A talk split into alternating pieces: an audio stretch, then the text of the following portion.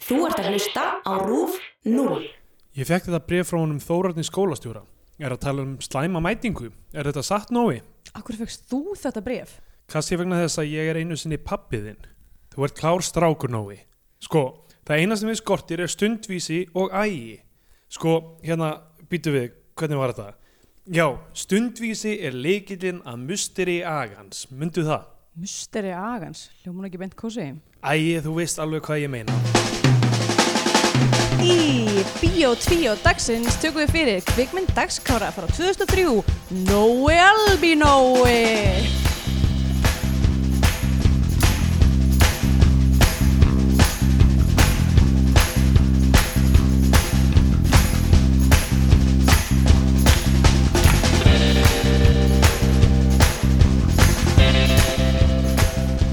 Já, eh, komið heilsæl og velkomin í Bíó 2, hlaðvarpið um íslenska kvikmyndir.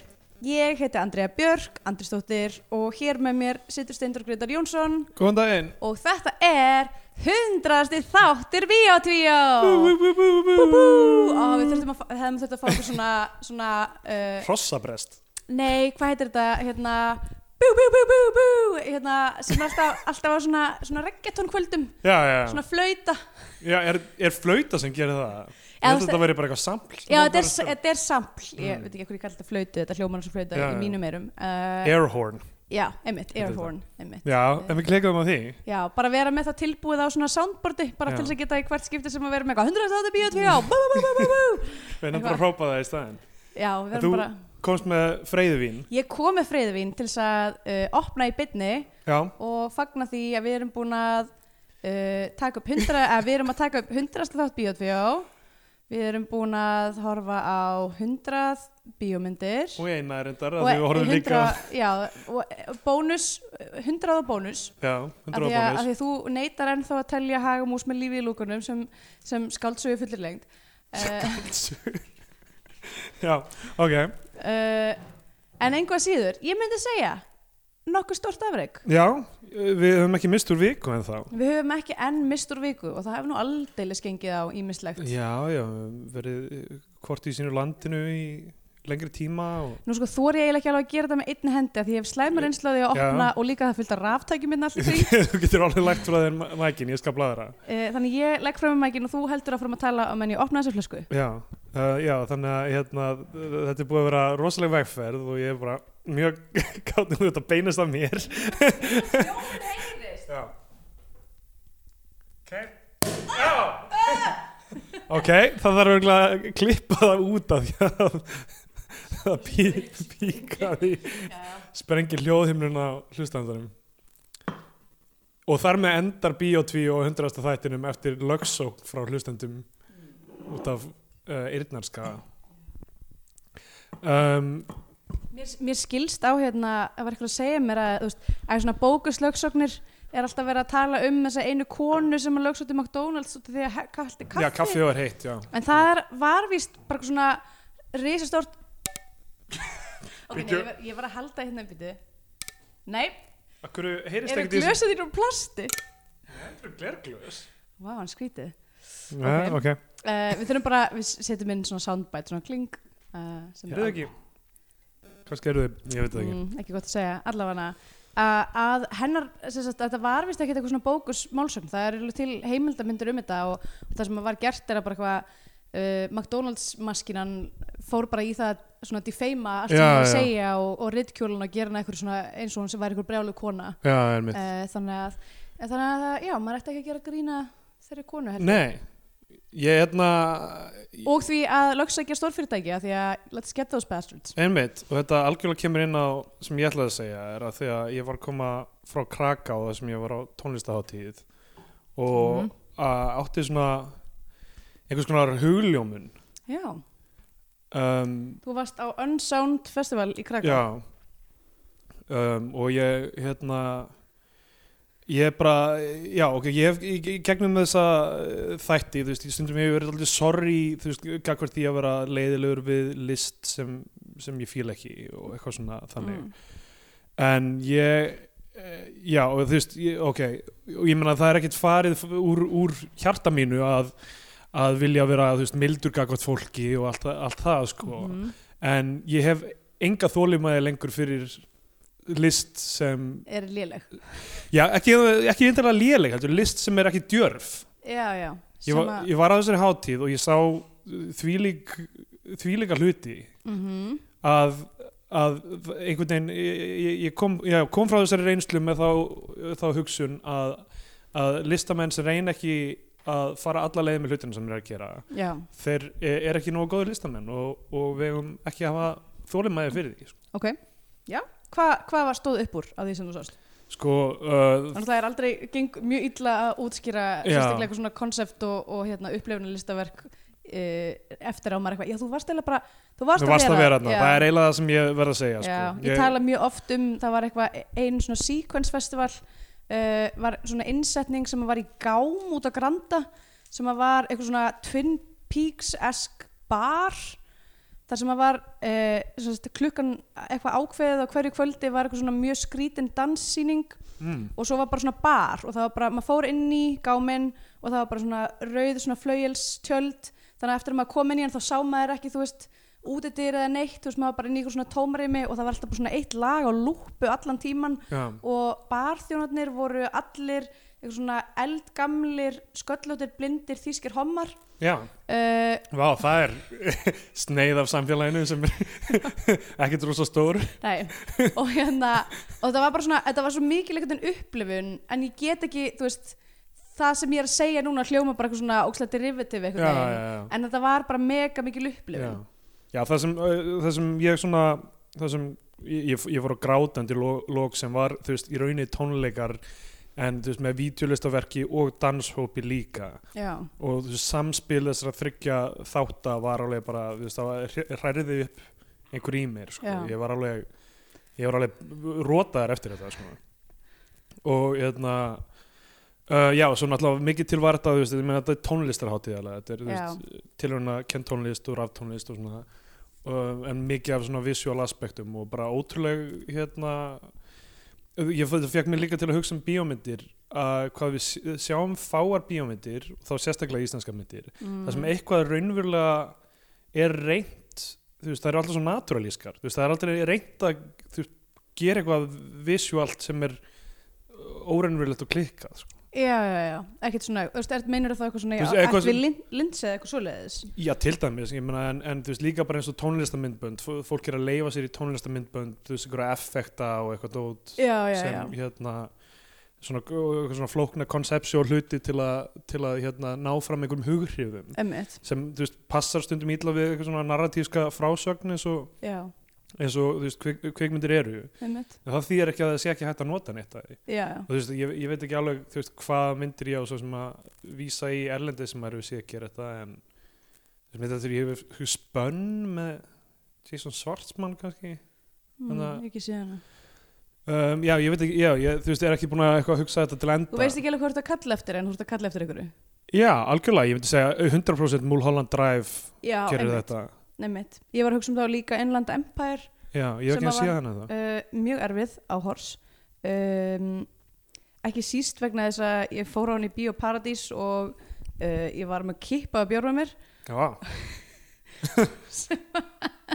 sem var kannski ekki besta hugmynd í heimi en hérna uh, en hún einmitt svona hún, hún, var, hún var einmitt bara svona eiginlega 100% bara að taka þetta sem er í Múluland Drive fannst mér sem er bara svona eitthvað svona óþægilegt visuált sem að reyfir við mann á einhvern hátt og bara taka það og eitthvað svona íta því áfram já. um, henni, já. var, henni var ekki tekið játn vel ef ég maður rétt en, en Nei, kannski líka bara því minn hún hafi kannski verið aðeins og löng já, uh, og, og kannski ekki alveg jafn falleg já eða þú veist, fall, Mulholland falleg Drive var þetta alltaf fall, falleg sko. já, því hún var svo vel klift og vel skotin einhvern Já. veginn um, En ég, eiginlega svona, ég tók smá dítúr á því við vorum að tala um McDonalds kaffið sko. já, já, er að einmitt. þú- hluti af þessari upplifun minni var eiginlega sko að verða, þú veist, ok listamenn eiga að ganga langt og hérna fara allaleg með hlutina ég get ekki lengur verið með neitt hálfkákeldur í, í mínum skoðunum um, um heiminn og stjórnmál mm, og hérna og kapitalisman já, og ég þarf virkilega að fara að taka til í mínu lífi um hvernig ég er sem neytandi já, uh, við vorum að opna einhverja freyðivinsflösku Heyrðu, hérna þetta er nú reyndar þetta er nú reyndar sko bara hérna, beint frá spáni sem er nú ekki langt í burtu hérna. það er rétt þannig að það er, það er held ég ekkert eitthvað mikið kólefninsbora á þessari flösku myndi ég Nei, held nei. að Uh, en jú, jú, ég held að sko eftir þessa uh, þetta er málega samt maður, ég er svo ókslega jaded að því ég er búin að vera að panika cirka á tveggja ára fresti í tíu ár bara að því það kemur alltaf einhver svona rannsókn út það sem er bara svona, já og núna eru 50 ár í að þetta vera allt búið Já, og nú eru það 20 árum. Já. núna eru núna eru bara eitthvað 12 ára eða eitthvað já, já. Eh, þannig að ég- ég- að partur af mér er bara svona, ég er búin að vita þetta allan tíman þú veist, en, en að samaskapið þú veist, ég uh, er ekki með bílpróf, nota ekki bíl Já. uh, ég borða ekki kjöt ég á ekki badn um, rétt, börn eru uh, það er Aðal náttúrulega vill, það er sökudólgur. náttúrulega vill enginn tala um það, en mér finnst, ég ætla bara 100% að segja hérna uh, og þið megi bara hata mig en það þarf eitthvað að segja þetta ef að þú átt þrjú börn pluss þá bara hatar þú jörðina já, ef þú á vestræna heiminum alltaf, í vestræna Já, eða þú veist bara það er bara pínu þú veist, Mm. ef við erum að tala um hérna kólefnisbor þá er þú veist uh, þá er það að eiga bann er uh, jafn stórt og ef þú myndir að jafna því keira 12 bíla þú veist, þú þarf að hætta að keira 12 bíla til Já. þess að þú veist, jafna það, fattar Einmitt. við þannig að þetta er stærsta, þetta er langstærsta spórið sem þú Já, gerir ef fleira fólk Já. á, á vesturlöndum Já. allavega svo er. En svo er þetta og ég er náttúrulega ekkert eitthvað að segja hættið eignast börn skiluru en, en getið ekki bara sagt ykkur við tvö börn er það ekki, Já, er það, er það bilað að vera eitthvað eitt til tvö kannski nefnit uh, Sko, já, þú veist offjölgun er svo sem ekki þú veist, uh, það er ekki endilega vandamál það er miskipting gæðana og miskipting neyslunar sem er vandamálið sko. Svo það er uh, náttúrulega hægt að sk- uh, skipta þú veist, þessari ofur neyslu uh, vestræna heimsins niður á allan heiminn og þetta meikar allt miklu meiri sens sko. mm já en einn hlutur sem ég geti gert er að fljúa minna það er einn hluturinn sem Já, ég f- það er það einmitt það kem aftur upp með flugi frá Kraka og frá, já, einmitt. já uh, en ég sko, ég, ok, bara full disclosure ég hætti að borða kjöt að því að ég var svona, ég þarf að gera eitthvað til þess að jafna kólbrinsporum mitt og ég er ekki Já. tilbúin til þess að hætta að ferðast þá var ég bara tilbúin til að hætta að gera eitthvað annað já, Eh, þannig að ég var ekki eitthvað svona að hugsa eitthvað ég ætla að reyna að jafna einhvern annan út ég ætla bara, eitthvað, ég ætla bara að jafna sjálf okkur út já maður þarf samtilega að fara að jafna aðra út líka sko. já, nákvæmlega, já. það er bara it de- is dead Hva, ætla þú, hvað ætlar þú að gera? Já, ég held ég reyna þú veist, uh, allavega að taka út einhverja kjötneyslu þú veist, allavega nóg mikið ég man ekki hva, hver tölfræðin var en það var eitthvað þú veist, ef þú sleppir í að borða kjöt þú veist, ef allir myndu gera það eitthvað einu sinni í viku eða eitthvað, þá var það töluvert, já, myndi strax breyta Já. breyta mig miklu, ég sko byrja fyrsta skrifi sem þannig ég ef gerði ég fyrir þegar aðeins ég, umfram það þá, þú veist, var að hætta bara að borða bara kjötmálti einu sinni til tvisar í mánuði já, og það fannst mér ekkert erfitt þannig sé sko um mitt að því að þú veist, maður er líka, maður er líka að elda svo mikið eitthvað svona eins og Thailands og Mexikost og eitthvað svona þar sem maður er bara mjög auðvelt að vera ekki með kjöt Þetta er erfiðar núna eftir, eftir hérna hjúa lifilýsing síðasta þáttar. æ, það er rétt Það var það, það þetta var er að jafna koma, mig mjög þetta er að mikið. koma á versta tíma Já, það kom að versta tíma rétt ára ég fæ uppljós, uppljómin Já, eitthvað. en, hérna, en hjúel sem er næringaduft sem ég get ekki lengur stuðið uh, en við munum ef við fáum greitt fyrir það stiðja Já, já, algjörlega Það er annað sko, ef, ef kapitalismin er til að borga mér þá já, já, það er náttúrulega allt annað ég, Já. ég er búin að eiga mjög finna með eitthvað svona kapitaliska uh, á því ég segi viku þá á ég bara við tvo daga af því ég er eitthvað svona uh, um, í gær uh, kom á daginn að fyrirtækið sem ég átti sem ég er með þess að búin að selja kom á daginn að st- samstarfsfólk með trassaði það að skila en ásskýrslu sem við erum nú bara að fá s- re- sekt upp á af því við erum í, á vanskilaskrá hjá fyrirtækjaskrá sem er óslega pyrrandi og leðilegt já. uh, og uh, þá brotist inn í geimsluna mína og fullt að sinnþum stólið What? uh, og eh, Ég var ekki búin að heyra þetta nei, þetta gerst líka bara í gær og hérna, og það var mjög leðilegt að byrja vikuna þannig að Vá, wow, fá bara eitthvað svona glata. ókslega mikið eitthvað svoleiðið sitt í andli Þetta með ársækningin, þið, eh, það er 90% afsláttur á sektinni, þið skilir þannig 30 í dag já, ég veit að ég bara, þú veist, þetta er náttúrulega er ekki á mér, nei, Nei, ég er mjög einmitt. pyrruð að þurfa að vera að, að, að díla við þetta því að ég var aldrei uh, ég var aldrei í fjármála partið þessa fyrirtækis en hérna, og ekki með prófkúra á neinu, þannig að ég einhvern veginn Já, já, sitt bara upp með hérna, vanhætt samstarfsfólk en allavega þetta er síðasta skipti sem þetta gerist af því við erum búin að selja fyrirtæki já. hérna en Hérna, allavega hérna, en í dag uh, var ég búin, ég var, sest, var að klára verkefnin sem ég var að vinna og það fór eitthvað svona aðeins yfir þann vinnutíma sem ég hefði áallað og ég bara svona sendið mím og var bara eitthvað svona hei, ég vil fá meira borgað og þau voru bara, já, ekkert mál þannig að það var aðeinslegt Ok. og svo sendi ég inn rukkun fyrir kajak sem ég vinn stundum fyrir fyrir heilan dag sem eru 400 efrur uh, fyrir það sem að var 40 mínútur að vinnu Já, þannig að ég byggli bara svona peningar eru abstrakt, sko það, fjármál eru abstrakt það sem þú ert að, það sem þú ert að koma inn á er nákvæmlega það sem við, við Atli Bóllason sem var með mér á þessari hátíð uh, hljómborðsleikari sprengjuhallunar sem, sem er í byrjunar, já It's all in the family um, uh, við vorum að tala mjög mikið um það að maður þyrti, þú veist, maður þarf að byrja, maður þarf að, byrja að gera og þetta er hluti af þessu sem, sem ég er að tala um sko, að þú veist, hætti að borða kjöt ákveðna daga ég þarf að gera eitt subversive act á já. dag gegn kerfinu og það þarf ekki endilega að vera stórt Nei, einmitt en, en þú veist, það er eitt, eitt á dag gegn kerfinu sko. já. og hérna, þú veist ég er að reyna svona, þú veist, ef hlustundur um með hugmyndir þá með endilega senda mér það sko. en þú veist, bara, þú veist, ég veit ekki ég, ég myndi að Ég veit ekki, ég ætti þú að vera að millifæra pening á einhvern sem ég veit að, að er blankur, það er mjög falleg þú, þúsugall eða eitthvað. einmitt Það, er, þú veist, skref, sleppa því að kaupa nokkuð hlut í einn dag, mm ég veit það Ég ekki. er enda að gera það mjög ofta þegar mér veist mjög leðalegt að fara Já, til húsi Ég geri það mjög mikið, sko. Föti mín eru eiginlega að detti utan að mér. Þess vegna held ég svona mikið upp á hjúelbóli, sko. Já, þeir eru náttúrulega bara líka mjög eh, Já. já. klæðilegir Einmitt. En ég er samt, já, ég er náttúrulega er mjög mikið í því að bara stila fötum af kærastanum mínum Já. Þannig að það er eitt söpars Já, það er mjög subversive gagast feðraveldinu og hans hærri sko. tekjum. Nei, ég hef reyndar alla tíð verið svolítið mikið að fá föt frá öðrum að því ég er eina af þessum hefnu konum sem að getur bara einhvern veginn verið í hverju sem er og lítast ágætt lút uh, Hvað var þetta ósmekli hlutur sem segja? Nei, bara fyndið. Nei, þú veist, þetta er bara, þú veist, þetta er bara hlutur sem að ég hef komist að, ég get fengið, ég, flesta buksundar mínar fæ ég frá mömmu minni sem að, þú veist, augljóslega er með allt annan fata stílheldur en ég og, þú veist, að ég veit ekki, ég bara svona fæ einhvern veginn flíkur hérðan og þaðan, ég mi- kaupi mjög sjaldan föt sjálf, sko. Já, Eh, og ég og Kristinn erum búin að vera að tala um þetta því að síðan ámaði svo mikið ekkur dóti ég komst að þessu, ég var ekkert um að vinna verkefni fyrir Rauðakrossin í Svíþjóð því ég var að- í skóla þar og það, e- eitt af svona statistikurum sem við fengum þar var bara svona að uh, 70% af því sem er í fataskáfnum hans nota maður eh, nánast aldrei einmitt. og þannig að þú veist ef að við munum öll uh, bara skiptast þessu, taka þessi 70% af fattaskapnum okkar sem við notum ekki og bara svona skiptast á að Já, því að manni finnst miklu önnur, annar manna fötu alltaf miklu meira spennandi skilur einmitt. að þú veist ef það væri eitthvað svona hægt að nýta þau þannig að, að, hérna, að þá myndum við örgulega þú veist, Þetta er- sport, sportna við mikilli Þetta er gott subversive act fyrir einn dag, er að taka eh, no nokkur... Já, ég eh, og Kristján erum sko búin að tala um þetta, Og við ætlum, set- að, við ætlum að fara í skápin hjá hver annari og bara svona, Já, en líka bara setja það á hérna, grúppuna Free Your Stuff Berlin eða eitthvað þannig. já einmitt. Gefa eitthvað, gefa ykkur föt. Þetta, þú veist, ég veit ekki, margir myndu kalla þessa hluti sem við erum að tala um, uh, ég ég veit ekki, endurvinnslu eða eitthvað Já, svona já. þannig, en ég vil kalla þau subversive acts. af því að það er miklu svalara Já, og við ég- hvetjum hlustundu Bíotvíó til þess að gera eitt subversive, a- su- subversive act hvað bara í dag Ok, byrja, byrja bara á einu á viku sem er svona, Já. þú veist, smá veglegt eða eitthvað. Sendi, Eitthvað svona- sendi okkur myndir. já, eitthvað svona ein manneska Af því að ég veit að fólk lítur til bíotvíó sem, já, sem tækisinn sem mun taka niður kapitalismann á endanum.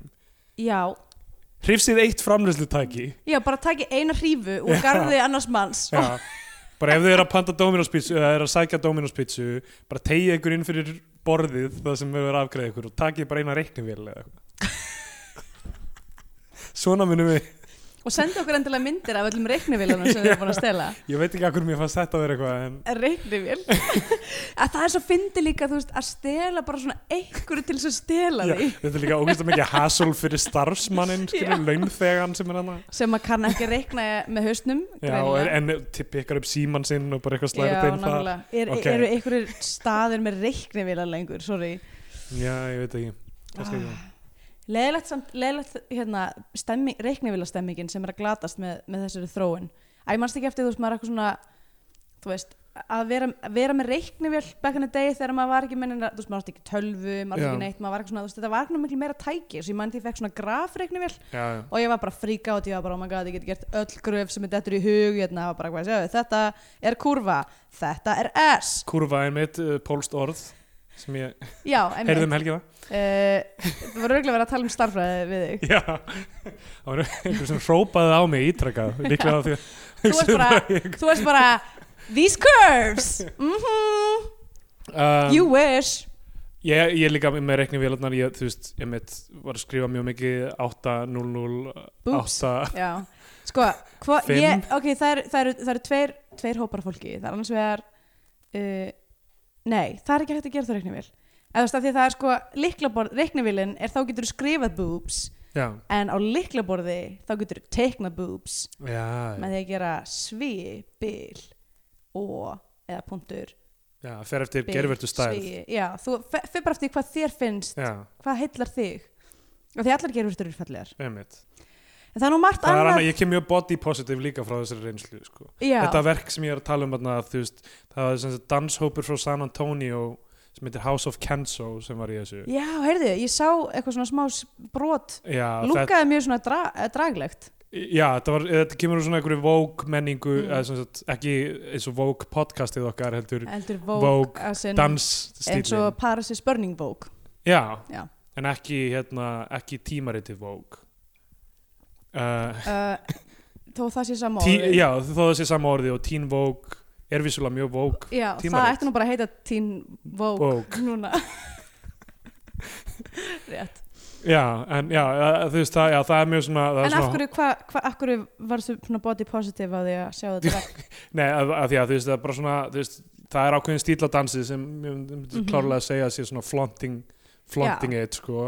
Og uh, líka bara ég var að spjalla við þetta fólk og en hérna... nú ert þú mjög leggjalangur maður Já, og myndir líklega vera mjög flottur vókari það, ég ætti kannski að læra það. Ég ætti Já. kannski að læra... fó- ég var held að sé nefnilega- sko, ég held að sé sko geggju líkansrætt Ég nefnilega, þú veist, ég var að hugsa rosalega mikið af því að, þú veist, nú erum við bæði í listsköpun og Mm. eitthvað og, og þú veist, ég hef alveg reynt við tónlist aðeins og, og ég hef mikið áhuga á tónlist og hef, þú veist, sem plötusnúður og eitthvað, hérna, þú veist, náttúrulega sint henni mikið mm og sem, þú veist, og dans er, þú veist, dót sem ég hef kannski, þú veist, ég- ég læriði einhverja klassíska dans þegar ég var yngri en, þú veist, ég hef aldrei alveg, þú veist, orðið góðu dansar eitthvað þannig þó ég dansi á klubbum og festivalum eins og þetta mm, þetta eru tvö æstu listformin sko, í rauninni, tónlist og dans já, af því að það, þau hafa ekki þú veist, merkingin er algjörlega frá já, já þeir heila, eru, eru... neit, eða, þú veist, ö, meðtakandunum að sjá sko. þeir eru meira præmal í upptöku megar það sens já, algjörlega, algjörlega það ég held að sé hárétt þú veist, þegar þú komið Þú þar- texta já, þú þarft ekki að hafa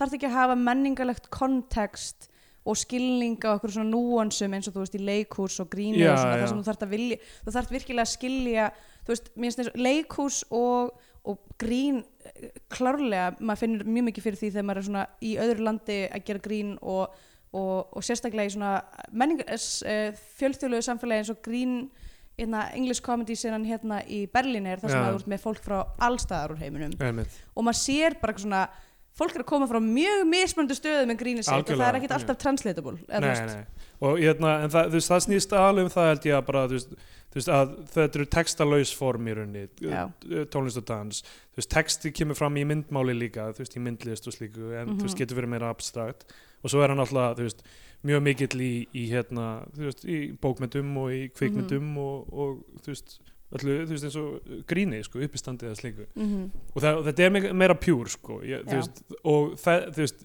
ef það væri einhver leið fyrir mig, þú veist, af því að ég dáði svo mikið að þessu, ég var bara, Já, ég já. vildi, ég var að geta mikið að hugsa um hvernig get ég orðið betri, þú veist, eitthvað grínisti, bara út frá Ok, því sem ég er að hvar- upplega núna þá er ég meina að þá spurning ætti ég bara að læra vókdans og vera að Já. dansa vók þú veist, geggjað, það væri geggjað sko. Ko- hérna komdu þér í samband við hérna vinnuna möggu sem við hittum hann var svo geggjaði vókari já, einmitt já, og, og, fer, og kemst bara eitthvað frittin og bergkæn því hann er svo geggjaði í vókari já, já. þannig að þú veist Þið, vá, ég var að tala um þangur þú voru bara að fara í vókið en, hérna, en mín brugga þá til þín þar sem við erum að skilgreina mállaus listform sem æðri hvar ertu að staðsetja mæm þá? Er það þá er það þá uh, toppurinn á gríni s- eða svona mest præmal útgáfuna gríni? ég held að mæm vinnur með samt það að mæ, mæm er alltaf að reyna að tólka einhverja svona r- a- atburði þú þú veist, í- í raunverulega atbyrði einhvern veginn þú veist, eins og það að vera fasturinn í glerkassa já, um sem hefur allend í já, um já, einmitt. þau reyna að tólka þá alveg, þau reyna að gera það raunverulega sko. þú veist, Já. þau reyna að gera það einhvern veginn naturalíska mm. uh, umfram abstrakt abstraktsjónina sem við sjáum í Já. alls konar dansfólk ég væri til, mjög mikið til í að sjá eitthvað svona svona progressive mime act sem að væri, þú veist, að brjóta þessi eitthvað svona, ekki eitthvað svona eitthvað, hér er ég með þetta og þetta eitthvað, þú veist, því náttúrulega auðvitað er mime partur til dæmis af improvi sem við gerum bæði já, já. og þú veist að við, við þurfum að gera það sem er kallað scene work uh, og svona uh, ég bara hugsa um fólki sem kvekti á þessum þætti eitthvað að nógu í albúni og ég sé hana já, Og þú- ok, kláraði hugsunum þín og svo nei verður bara, þú veist að ég veit ekki, að ég held að, ég held að fólk svona dissi svolítið mæm ég, ég er svona, ég er búin að læra meira og meira upp á síðkastið um til dæmis bæði mæm og og líka trúðleik, og Já, trúðleik. nákvæmlega. sem að er miklu miklu stærra og flóknara fyrirbæri heldur en Einmitt. ég held að hinn almenni svona neytandi Já. hafi skilning á þú veist það er ég, ég, held- ég meina trúðleikur er mjög fysikal líka mm. og þú veist, þetta er allt spurning hvað þú gerir við þetta ég held að rosalega margir sem fari í gegnum það þú veist, endi á að gera mjög boring dót alveg eins og megnið af þeim sem pick up kassagítar gera, gera alveg mjög, já, glata já, dót nákvæmlega en, Þú veist, en maður dæmir ekki gítarinn út frá því maður, þú veist, emmitt maður dæ- maður dæmir hann út frá maður dæmi gír, gítarinn út frá því að vera ég er um eins og hver er upp á skítarleikari minn já ok, þú meinar þannig hver er uppáhalds gítarleikarinn þinn uh, gítar, uppáhalds gítarleikarinn minn og örgleikur svona, svona fato típa um, mér stela svona mér finnst þannig gítarleikur miklu skemmtilegra því að hann nálgast gítarinn á miklu svona heilstæðara hátt sem ásléttu hljóðfæri og sem rithma hljóðfæri og sem sólu hljóðfæri uh, allt á sama tíma já, uh, á meðan að þú veist svona held ég bara eins og mig á mitt eh, þú veist, að, að því að gítar er mitt bara svona leiðilegur þegar þetta er bara eitthvað svona strömm eitthvað, hérna, já, já, ég meina hugsa þú veist, bara, fjö, fjögripu fokkjú þú veist, allt þetta fólk sem er búið að þú veist, vera trúbadórast og spila á Wonderwall og eitthvað, og eitthvað Mm. börum þú veist, alveg, þú veist, alveg jafn miklir það, er, offenders það eru mæmatnir sem er að gera ég er fast rugglega já, kassa já, festur í glerkassa og Já. það eru hérna uppistandskörarnir sem er eitthvað, hei, hver er munurinn á konum og köllum, skilur við já, mitt ég er búin að bara. fatta þetta Heyrðu, leiðum- sýnum- leiðum mér að sína ykkur hvernig ég myndi ríða Já. þessum mæk já, nákvæmlega, það er, allt, þú veist, það er allt þetta og ég veit að það er alveg svona lærdómsferli í allir við listgrein og ég hef, í all- öllu því sem ég hef gert ef ég hef verið glataður á tíðanbili sko. mm. en þú veist já, það verður að það á, verður að fara aðeins meira fram í einhverju svona lokaður umhverfi, þetta lærtumsferli Ég- ekki þar með sagt, skilur svo get, lærir fólk rosa mikið á því að mistakast fyrir fram já, fólk, einmitt ég veit ekki ég, bara, ég var bara mjög innblásin á því hvað það var mikið af góðum góðri list sem ég sá yfir eina helgi já. á þess- á þessari hátíð mhm. og, um, og hérna og búið ekki undir það næstu ég- bíómyndir sem við tökum þetta fyrir Ah, ég ætla hérna ekki að gefa neitt náðsla Oh boy, ok. En ég, erum við núna að fara á sem hundrasta þætti að hverfast, taka pólskipti. já, Það sem já, að ég verði alltaf eitthvað svona ógslag forgiving og eitthvað svona Einmitt. verði eitthvað, reyna að finna það góða í öllum og þú verður bara eitthvað, þessi leikari má nú bara fara að já, hætta. bara hættu, hættu, hættu. farðu og dreftu þig Æ, ok, þetta var nú kannski svolítið langt gengið. Heru, ég, ég er bara nýr maður Ok, ætlum við dreftu það þig, bara... mingaðu kólefnisfóðspúrið þitt Herru, það er náttúrulega ein niður í leið. null Það er ein leið. Það er náttúrulega ein leið líka til þess að minga kolumbinspóru sitt, Já. tvöluvert. Um, ekki, það gildir ekki sem subversive act ekki, ekki senda okkur myndir Ok, af ég- ykkur hangandi í snjörum sko. við, erum ekki Nei, ok, til í við viljum það. ekki sjá það. Ég myndi samt segja að það var klárlega svo börsig aft, aft, en ég- við viljum ekki sjá það. nei, nei, nei.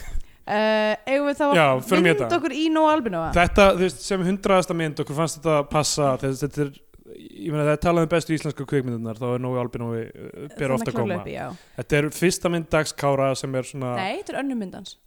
Þetta er ekki fyrsta mynd hans, hver Nei. kemur undan? Uh, ka, eitthvað kald, kaldaljós? Nei. ekki kaldaljós. Oh, ég, Ég er 90% við sem um þetta sé fyrsta myndin er hans það? Ég Um, er bara, mér fannst þess að ég flettis upp í gær og, og, og komur á óvart að það var eitthvað önnur mynd á undan. Ert þú að flettis upp eða? Ég er að flæta þessu upp Þetta, já, villiljós en, þú Villi, veist, ok, kaldaljós, villiljós, Já. ég var mjög nála. Villiljós er, þú veist, það eru eitthvað sjö leikstjórar að henni sko.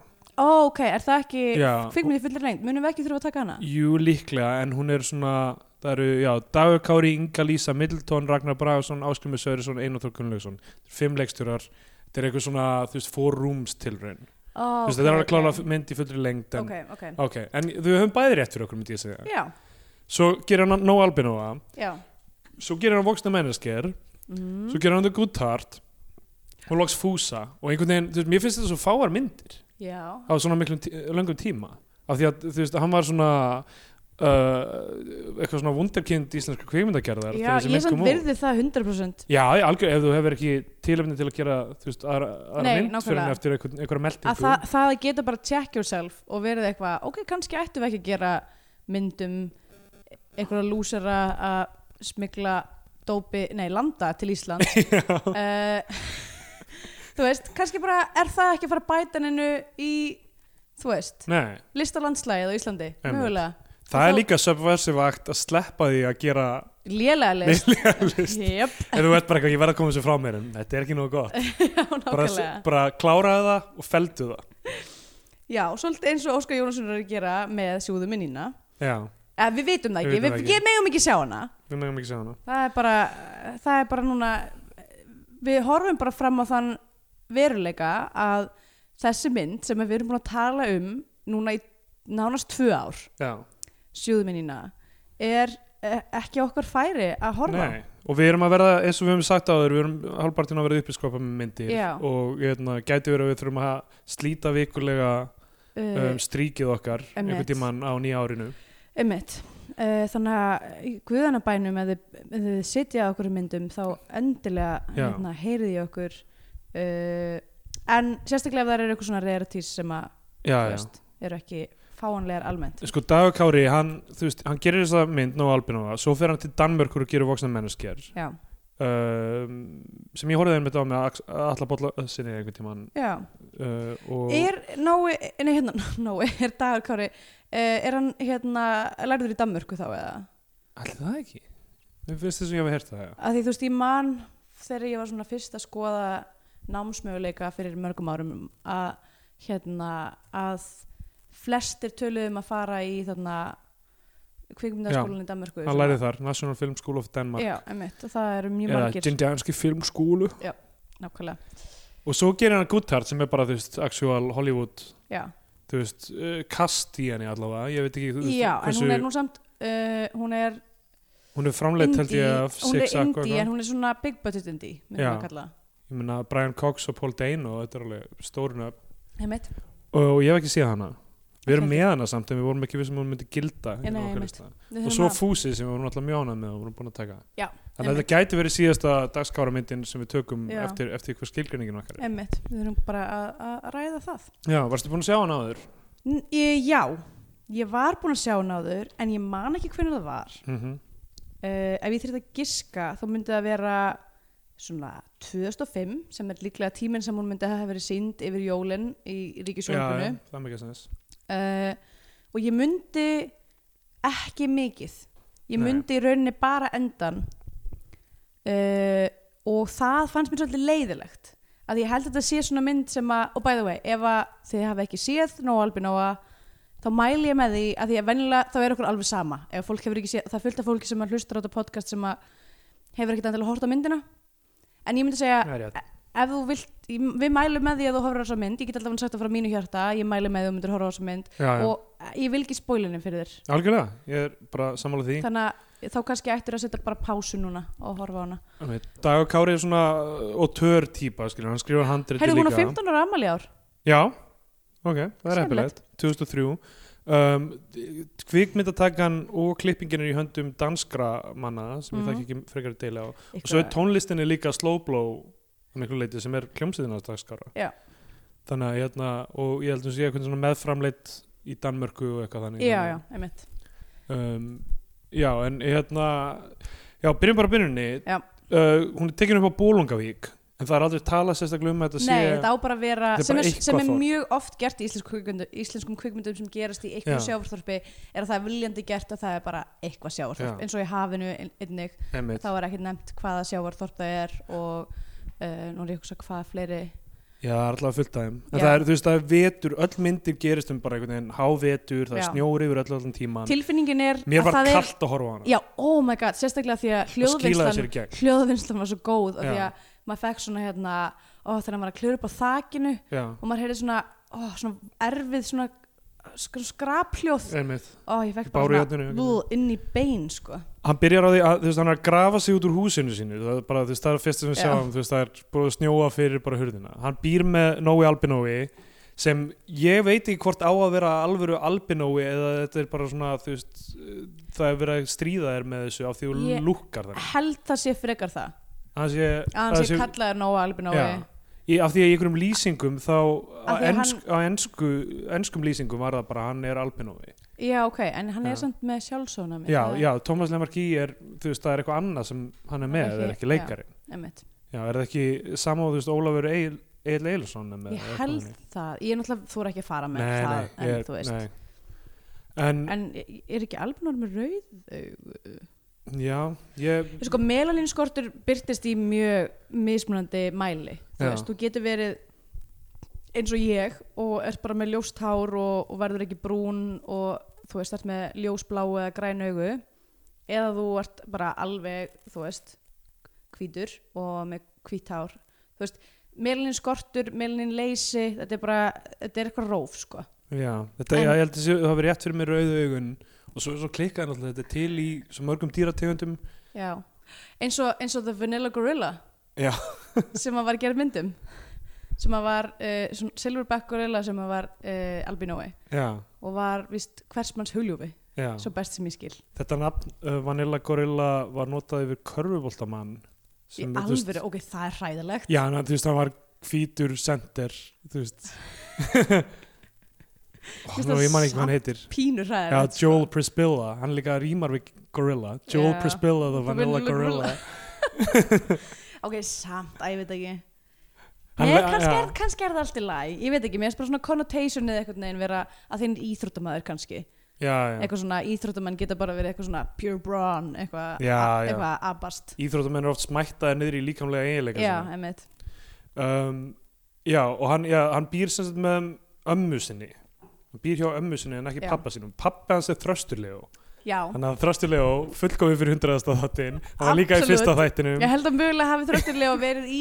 flestum myndum sem við höfum tekið Já. fyrir um, og aldeilis og ég á þessu fallega tækifæri sem er hundrasti þátturinn þá langar mér bara að segja hei, ég fíla hann já, þröstilega er, þú veist hann er, hann er, það er með mörg andlit já. og hérna hann er með eitt andlit sem er frægast sem er Gretar hans en hann er líka með mörg andlit, önnur andlit já, ég veit það ekki, mér er sann sko mér er sterkast í minni er Táru Steini já, hann alveg þröstilega, að mér finnst það að vera hans runaway performance algjörlega sko. og hérna uh, en bara, að ég veit ekki me- að mér finnst svona, þú veist, stundum finnst mér eins og upplifi ég einhvern veginn svona svona konfliktet afstöðu gagvar þrestilegu í, þú veist, íslensk, íslensku fólki sem ég tala við eða það já já, ok. en mér finnst það bara, já kannski bara því ég er búin að segja hún svo ógeðislega mörgum myndum ég þyr, þurfti meila að fara í gegnum bara, hérna, EMDB eðan, svo vera Já, bara, já. hversu marga þröstilega myndir eigum við eftir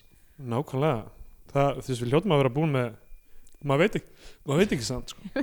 hann er svona jack of all trades líka, skilur, hann getur, hann Einmitt. getur í Tárus Steini verið í aðalhutverki, hann getur bara rétt byrst eins og í síðustu viku í blóðbönd já, það sem hann nákvæmlega, var, þú veist, í einhverju svona Skype samtali, þú veist, Nákvæmlega. í bakgrunni bara ekki eins valla Já. í myndinni, sko og hann er pappi hans Mhm. um, Nói er alltaf að þú veist, hann vill ekki fara í skólanum mótnana, hann sefur alltaf Nói er slacker, hann, Hann er er, slakur. hann er outcast og þú veist, það Um. er, já, það eru sterk þemu af sko þunglindi í myndinni, bæði Já. til dæmis hjá honum hann vill ekki og vakna pappans, Já. pappans er náttúrulega þú veist, sem þröstuleguleikur er að díla við já, þú veist, einhverja, einhverja hérna, brosna drauma sem, og, einmitt, og hérna er, er svona dálítið að drekka sig drekka sinni Já. niður Eða uh, upp. já, Nói vill ekki fara í skólanum átnana mammans vekur hann með bara haglabissu ammans, amman segi, Já. já. það er, þú veist, það er mjög mikið af svona, þú veist, hún svona er senur þjóverð, finnst mér hún þessari er, myndar hún er frábær uh, í þessari mynd hennar performance er líka bara svo þú veist, ég veit ekki hvort það var ákvörðin hjá leikstjóranum eða eitthvað sem hún kom með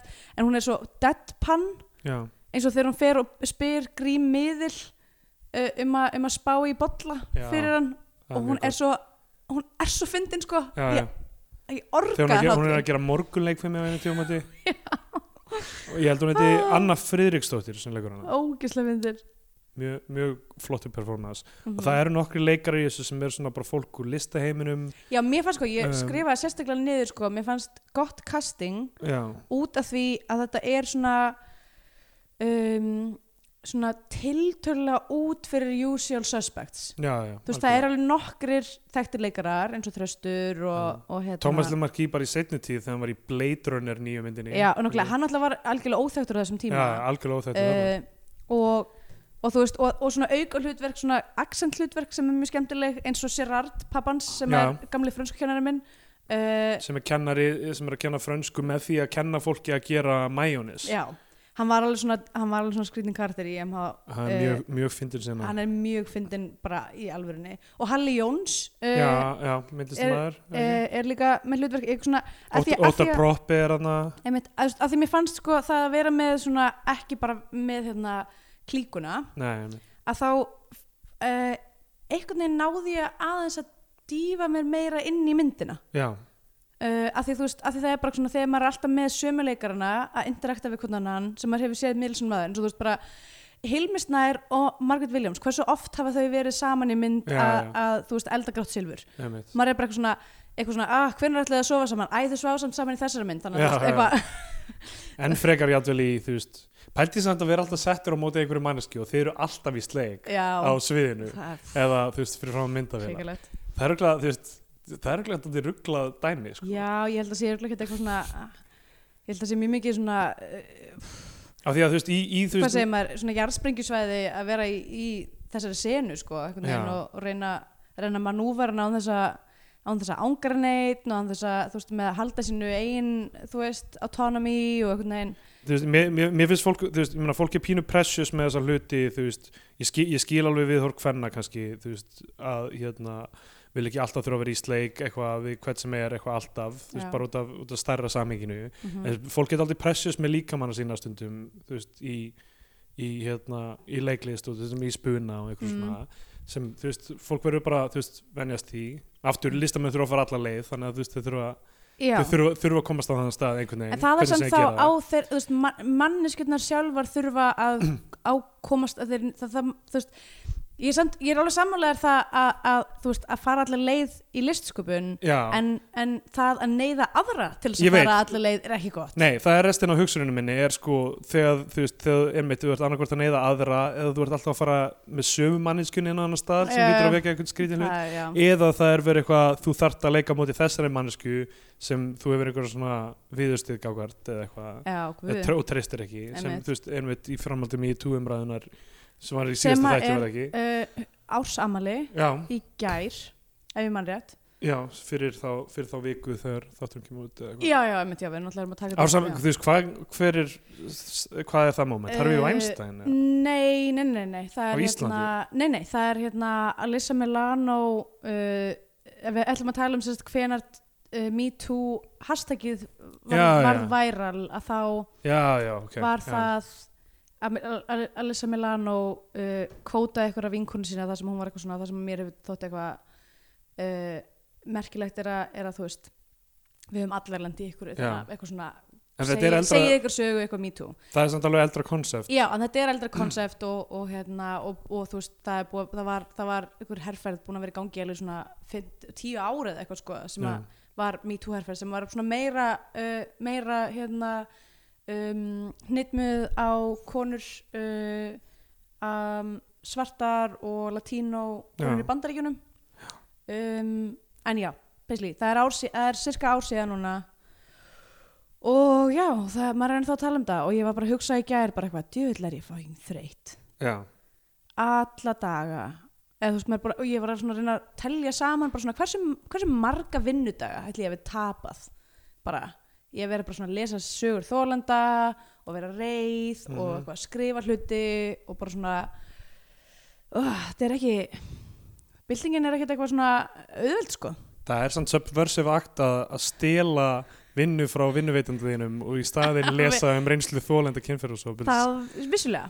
rétt En ef Segðu ég, það. væri, ef ég væri í fullri vinnu þá væri ég að gera það en ég er frílanser Já, það virkar kannski alveg þessi frílansi. Ég er bara að stela vinnu frá sjálfur mér Já, ok, hérna, Nói, hann, já, hann, hann, eh, hann gengur í því skóla hann fer og hann hérna, uh, mætir og seint í stærfræðipróf Mm. Guðmundur Ólafsson leikur kennaran hans uh, hann, hérna, hann skrifar nafnið sitt á prófið og skilar því inn og þetta er Já. svona fyndið sena Just, þarna fór ég smá að hafa ágjör á því að ég hafði ekki síðan að síðan bara 2003 í bíói eða eitthvað Já, það fór ég að hafa ágjör, er þetta að fara að vera sniður gaur, sko? er þetta að fara að vera Já. eitthvað svona hlinur í 101 Mm, já Jú. nei, ég upplýði það ekki þannig nei, ég- nei, ég bara, þú veist, þarna í byrjun það sem var bara eitthvað, þú veist, kvörki hlutir gerðu, skilur hún vekur hann með haglabissu, Mhm, svo fer hann og gerir, gerir þetta, skilur, skilur hann prófinu já. Já, ég hafði smá áhyggjur af því að hann væri að fara í þá átt og með Já. mismyndi en, en svo róa, róaðist ég með Já. það sko. En svo líka sko út af því að mér finnst þetta svo, hérna,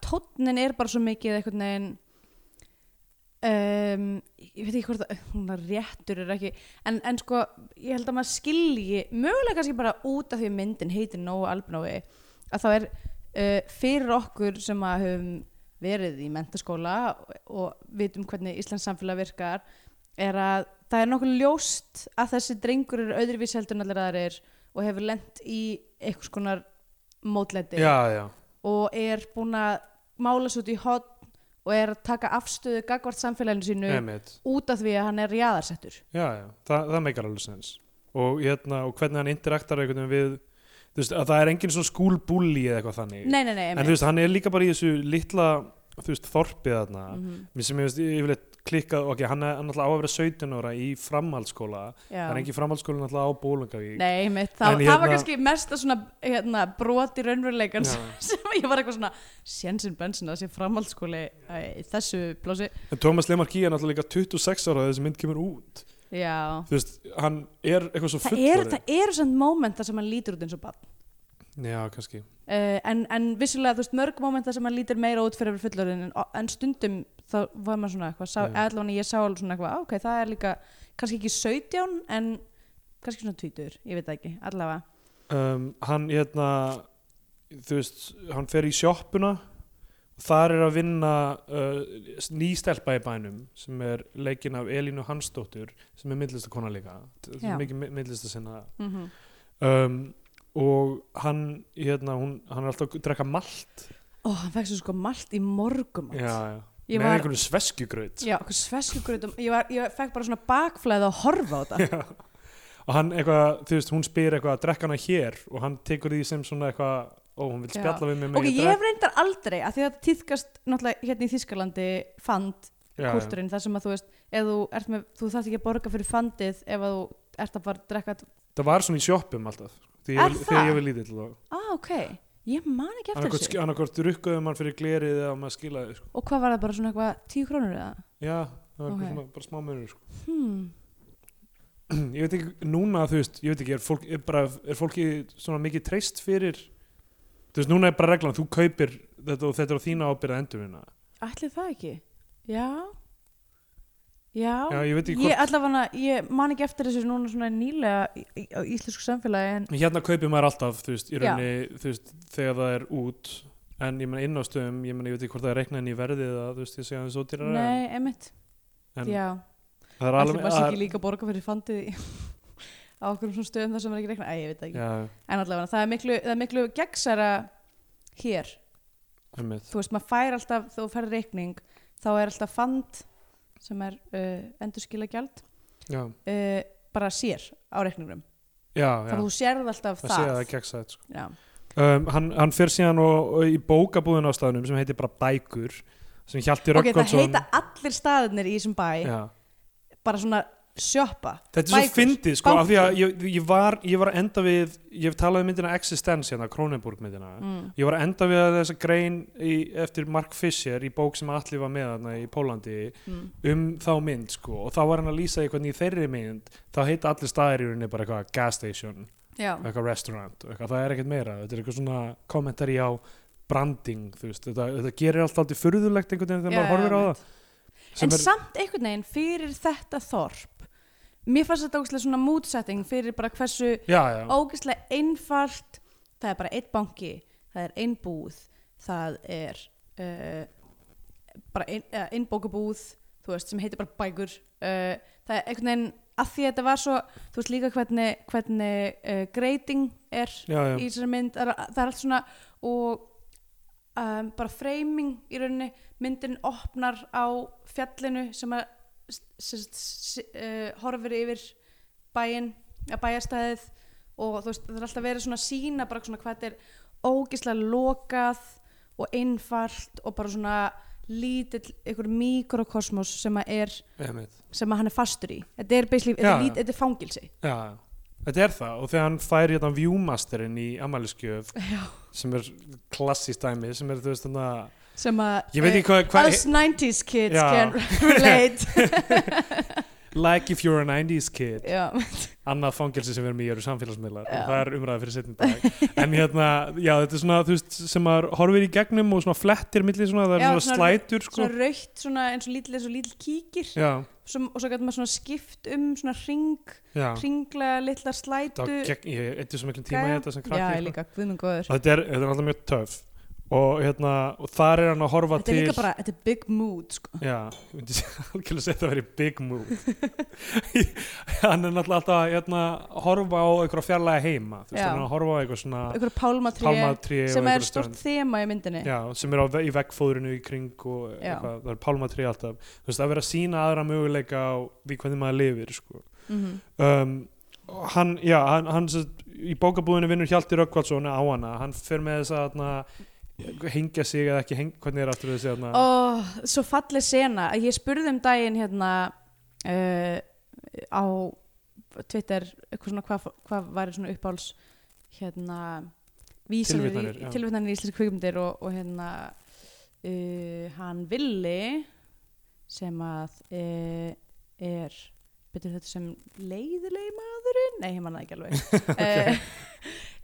bara eh, gamall félagi hérna hann, hann sem sagt sen, sendi þetta myndband á mig sem er hérna einhver dásamleg tilvittnun í kirkigórn já, já. sem að er, þú veist, fyrir mér eitthvað svona, ég var að leita, ég var algjörlega að leita að eitthvað svona kjarnandi Er þetta ekki Eh, eitthvað um bara frjálst, frjálsan vilja í rauninni? jú, í rauninni, en þetta er samt svo skandinavist að því náttúrulega Já. kirkigórn er augljóslega dani Já, uh, og hérna og þetta, fa mér fannst þetta bara svo eitthvað svona kjarnandi fyrir þetta litla smábæjarlíf sem að við erum svo ókslega ofta að tala um Scandinavian Pain Index já, dæmi sko, sem er eitthvað svona þú veist uh, já, snýst bara um frjálsa vilja bara svona, Já, ég- hengdu þig eða hengdu þig ekki, þú munt yðrast hvort já þvekja, þú veist, ég menn þú ert fastur inn í, inn í einhverju og þú veist, giftu þig eða giftu þig ekki, þú munt yðrast hvort þvekja Já, bara já. svona, þú veist uh, já, í rauninni, val er uh, sjónkverfa já, já.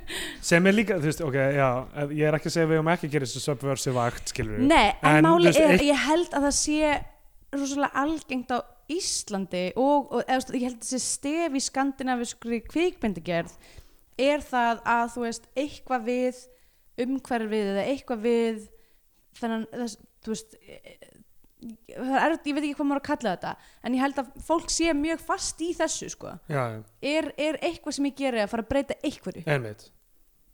Það er vel kjarnað held ég að það er. Og hann, eh, Hjalti Röggarsson er, papp, að, þú veist, leikur pappa þessar stelpu í sjoppunni. Mm. Segir bara haldið frá henni, hún er eitthvað mixed up kid sem er komin hérna frá borginni eða eitthvað. Já. til að ná áttum um, skólastjórin tekur uh, nóa afsýðis úr, úr þessum hana, tíma hjá Gerard Lemarki hérna, fransku tímanum Geggjaður tími. og, hérna, og segir, herru, við erum með sálfræðing hérna og okkur finnst að þú er hitt hann skólastjórnum þið geta aldrei væntum hann sko. Já, hann fílar hann en þú veist, augljóslega passar hann ekki inn í þetta kerfi sem er, já er þau hann að vaknaðu lærðu, En hann er, hann er með, hann er með einhverja samkend sem að, já, ég myndi segja að væri uh, sjálfgeft í svona sjáarþorps uh, narratífu. já, algjörlega það er góða punktur og hann, hérna, og hann segir bara, hérna, talaði við hann sálfræðing sálfræðingurinn, það er, það er sko á IMDb, sí- E IMDb síðunni hann, Mhm. hann leggin af hérna Haraldi Halla Jóns. Haraldi Jónssoni uh, þá er eina sem er undir goofs í þessari mynd, er um þessa senu sko. Já, ég, sá, já, ég tók eftir þessu líka. og hérna uh, og það er sem sagt að hann, hann kemur í eitthvað viðtal, hann byrjar bara að bauna á hann spurningum skilur, Mm. sem að, þú veist, hábúndurinn er þú veist, þetta er okkar spurninga, bara hvað prófar Ok, okay, ofta A. dag og eitthvað Skólasálfræðingur sem er komin eitthvað út í sveit, mögulega ekki besti skólasálfræðingurinn á sveðinu. Uh, B, getur, þetta- getur ekki verið að þetta sé eitthvað svona refleksjón á bara vanhæfni já, almennt? já, algjörlega, ég er ekki viss um að þetta sé goof sko. Nei. En þú veist, einmitt. eða, hérna, in the scene where the psychiatrist examines Noe, the former behaves strangely negligent. No healthcare professional would administrate an intelligence test by giving the subject scarce instructions since these are part of a standardized protocol. Instead, he would give detailed instructions asking the subject if he has understood them and should be present during at least a portion of the test. Þú veist, ég held að þetta sé alveg rétt, þú veist, þetta er, þú veist, Mhm. það hefði ekkert verið gaman að sjá eitthvað, eitthvað venjulegt prófa þarna, við erum að sjá Nei. insinn inn í eitthvað annað sem er í gangi Já. sem er mögulega að þetta sé ekki best hefnaði sem að Eh, er sko ok, heilbrigðisstarfsmaðurinn. hlutur sem að ég væri alveg til í að sjá tæklað uh, í einhverju eða þú veist, bíó eða svona er þú veist hlutur sem ég hef heyrt mjög oft frá fólki sem að hefur með, þú veist, búið til dæmis út á landi á Íslandi er að uh, bara svona vann, vannræki í skólum er bara Já. stórkostlegt já, og allir þeir sem eru svona, þú veist, utanveldu og jaðraðir eru fá rosa litla hjálp Já, eins já. og þetta með Jón kæristu minn sem að var á undan öllum í sínum bekk í, þar sem hann bjó í Sandgerði og hann var bara svona settur út á gang hann og einunni stelpa þurftu bara að sita út á gangi ein, tvö af því að þau voru á undan öllum öðrum já, og voru augljóslega lögð í einelti út af því að þau voru bara já. í öðruvísi fríi sko. Já, eða þau voru bara eitthvað út á gangi að Já. leysa eitthvað krossgátur eða eitthvað Já. skilur en það var ekki, þú veist, bara, þ- þetta bara fær alveg að fljúa einhvern veginn ég meina skólakerfið er þú veist, aftur ég meina, uppbyggt sem hluti af kapitalismannum til þess að gefa fólki í frið til að vinna fyrir einhvern framlýstutækjana já, sem að við þurfum bara Já. að stela þú veist, af því að þú veist, í einhverju svona samfélagi svona príkapitalísku samfélagi, einhverju svona hundir mm. gaðurir samfélagi, þú já, veist, þá læri fólk bara af þeim sem er í kringum já. það, sko. veit ekki hvort það sé endilega betra en, ég held það sko. en, en ég held sko, mér veldi ég fyrir mig hvort þessi mynd sé eitthvað svona partur af því hvað hún er sprottin er þetta dæmi, að því ég hef heyrt mjög margar svona sögur sko já, frá mjög mörgum sem að þú veist, hafa alst upp uh, utan Reykjavíkur en líka í Reykjavík uh, en þú veist, þetta er veldig meira algengt í svona litlum þorpum þar sem er bara svona hvað á að gera við, já, já. þú veist, hvað á að gera við ingjaldsýblið, Einmitt. Einhvern Og hann, veginn. sko, hann leysir eitthvað svona rúbiktening í þessum sálfræðitíma. já Það eina sem við fáum síðan er bara, þú veist, sálfræðingur heldur hann að sé eitthvað snillingur, Já. þarlandi, sem er ekkert endilega heldur rétt. Nei, greinin, nei, af því að skilur. þessi sálfræðingur er augljóslega ekki eitthvað Já. svona besti sálfræðingur í heimi Einmitt. Og þú veist, og og þá var ég, þú veist, þar var ég í augnablik eitthvað svona, ok, á að vera presentan sem eitthvað svona wunderkind. Nei, nei, þetta er bara, þú veist, það er allir að reyna að átta sig á, þú veist, Já, setja hann í einhverja kassa í rauninni til að, þú veist, fatta hvað á að gera við hann. mhm. um, hann fer og talar við pappa sinn hann, pappi hans er eitthvað að tala um eitthvað, hvað er þetta ekki búin að vera eitthvað að ríða og eitthvað hannig Pappa hans er náttúrulega bara alkoholisti Já. og með eitthvað svona brosnar vonur um að vera tónlistamæður Já, er að afsaka það með sko vinnu sem leigubilstjóri hversu oft hefur þröstilega verið leigubilstjóri er Mhm. spurning sem við langar að fá svara við Rétt. hann er svona klassiku leigubilstjóri Veistu, þegar við erum upp að skrófa myndir ef við höfum eitthvað orku, ættum við bara svona að taka viðtöl við, þú veist, eitthvað þröstlega og, og eitthvað svona það væri reyndar alveg örgulega mjög gaman ef Já. að, samt, ef að ykkur vill ennþá tala við okkur, ég veit ekki Já, kannski ekki En hérna, hérna, já, en þú veist hann er, þú veist, hann byrjar að kenna honum svona negging, sko Hann er ok, bara eitthvað- ég skrifaði hjá mér, fallegt fæðgamóment að kenna negging Já, hann er bara eitthvað farðu upp að stelpu og segðu bara þú ert búin að fitna og þá hættir hún ekki að tala við þig fyrir hann bara þau eru búin að ríða og, og hann, já, og svo sko, eitthvað ég svo segir hann trúi eitthvað ekki þú, að þetta virki negging ég, ég, það er það sem þessir hérna, miklu vísindamenn segja okkur þessir, hérna, Uh, já, að ég, höfundarbókarinn of the game ok, að- ég get allavega sagt að það myndi að því virka á mig ég hef verið neggaður sko já, það, og hvernig, og varstu bara eitthvað óður í sp- Nei, skísuna? það virkar ekki Sko, nákvæmlega.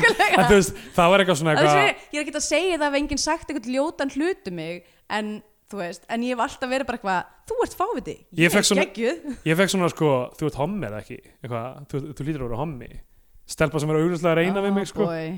þú veist eins og það þetta er ekki einu svona gott negging sko. Nei. það er bara eins og ég er bara, ég verð að sanna að ég sé ekki hommi uh, heyrðu, ég ætla bara að fara í sleikvið já, núna ég ætla að fara í sleik við stelpu það lítur að sanna það oh boy.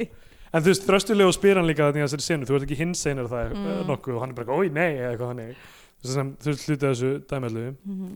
og um, hann er, þú veist, hann er að fara bara, hann fer með haglabissuna, er bara að skjóta niður einhverja íshengjur og eitthvað þú veist, Það var mjög skemmtilega svona visual og skemmtileg sena og hún var líka flott foreshadowing mm uh, en mér fannst, ég verða við ekki hérna ég, kannski er, kannski er ég bara eitthvað kannski er ég bara eitthvað mjúkt borgabann en hvernig skotvöfn eru höndluð í þessari mynd finnst mér mjög já. Já. skrítið það er mjög óvarkárt já, en þú veist, þetta er, eh, ég veit ekki hversu mikið þetta er rannsaka á Íslandi, þessi ótrúlega mikla skotvotna án þess að þau séu notuð gegn fólki já, emitt Er já, á- því það er alveg mikil mjög skotvöfn mikil skotvotna á Íslandi sko. ég meina, fóreldra mínir eiga sekundariffilin, eh, hérna, haglabissuna já, uh, þannig að það eru tvö allavega á og ég er bara með auðvitað- þessar ég er bara með þessar tvær byssur hérna sem koma út frá ak- öxlunum mínum sko. Þú veist, þú þarft ekki að gera, þú þarft ekki að klissa þér af því að þú veist, þetta er útvarp.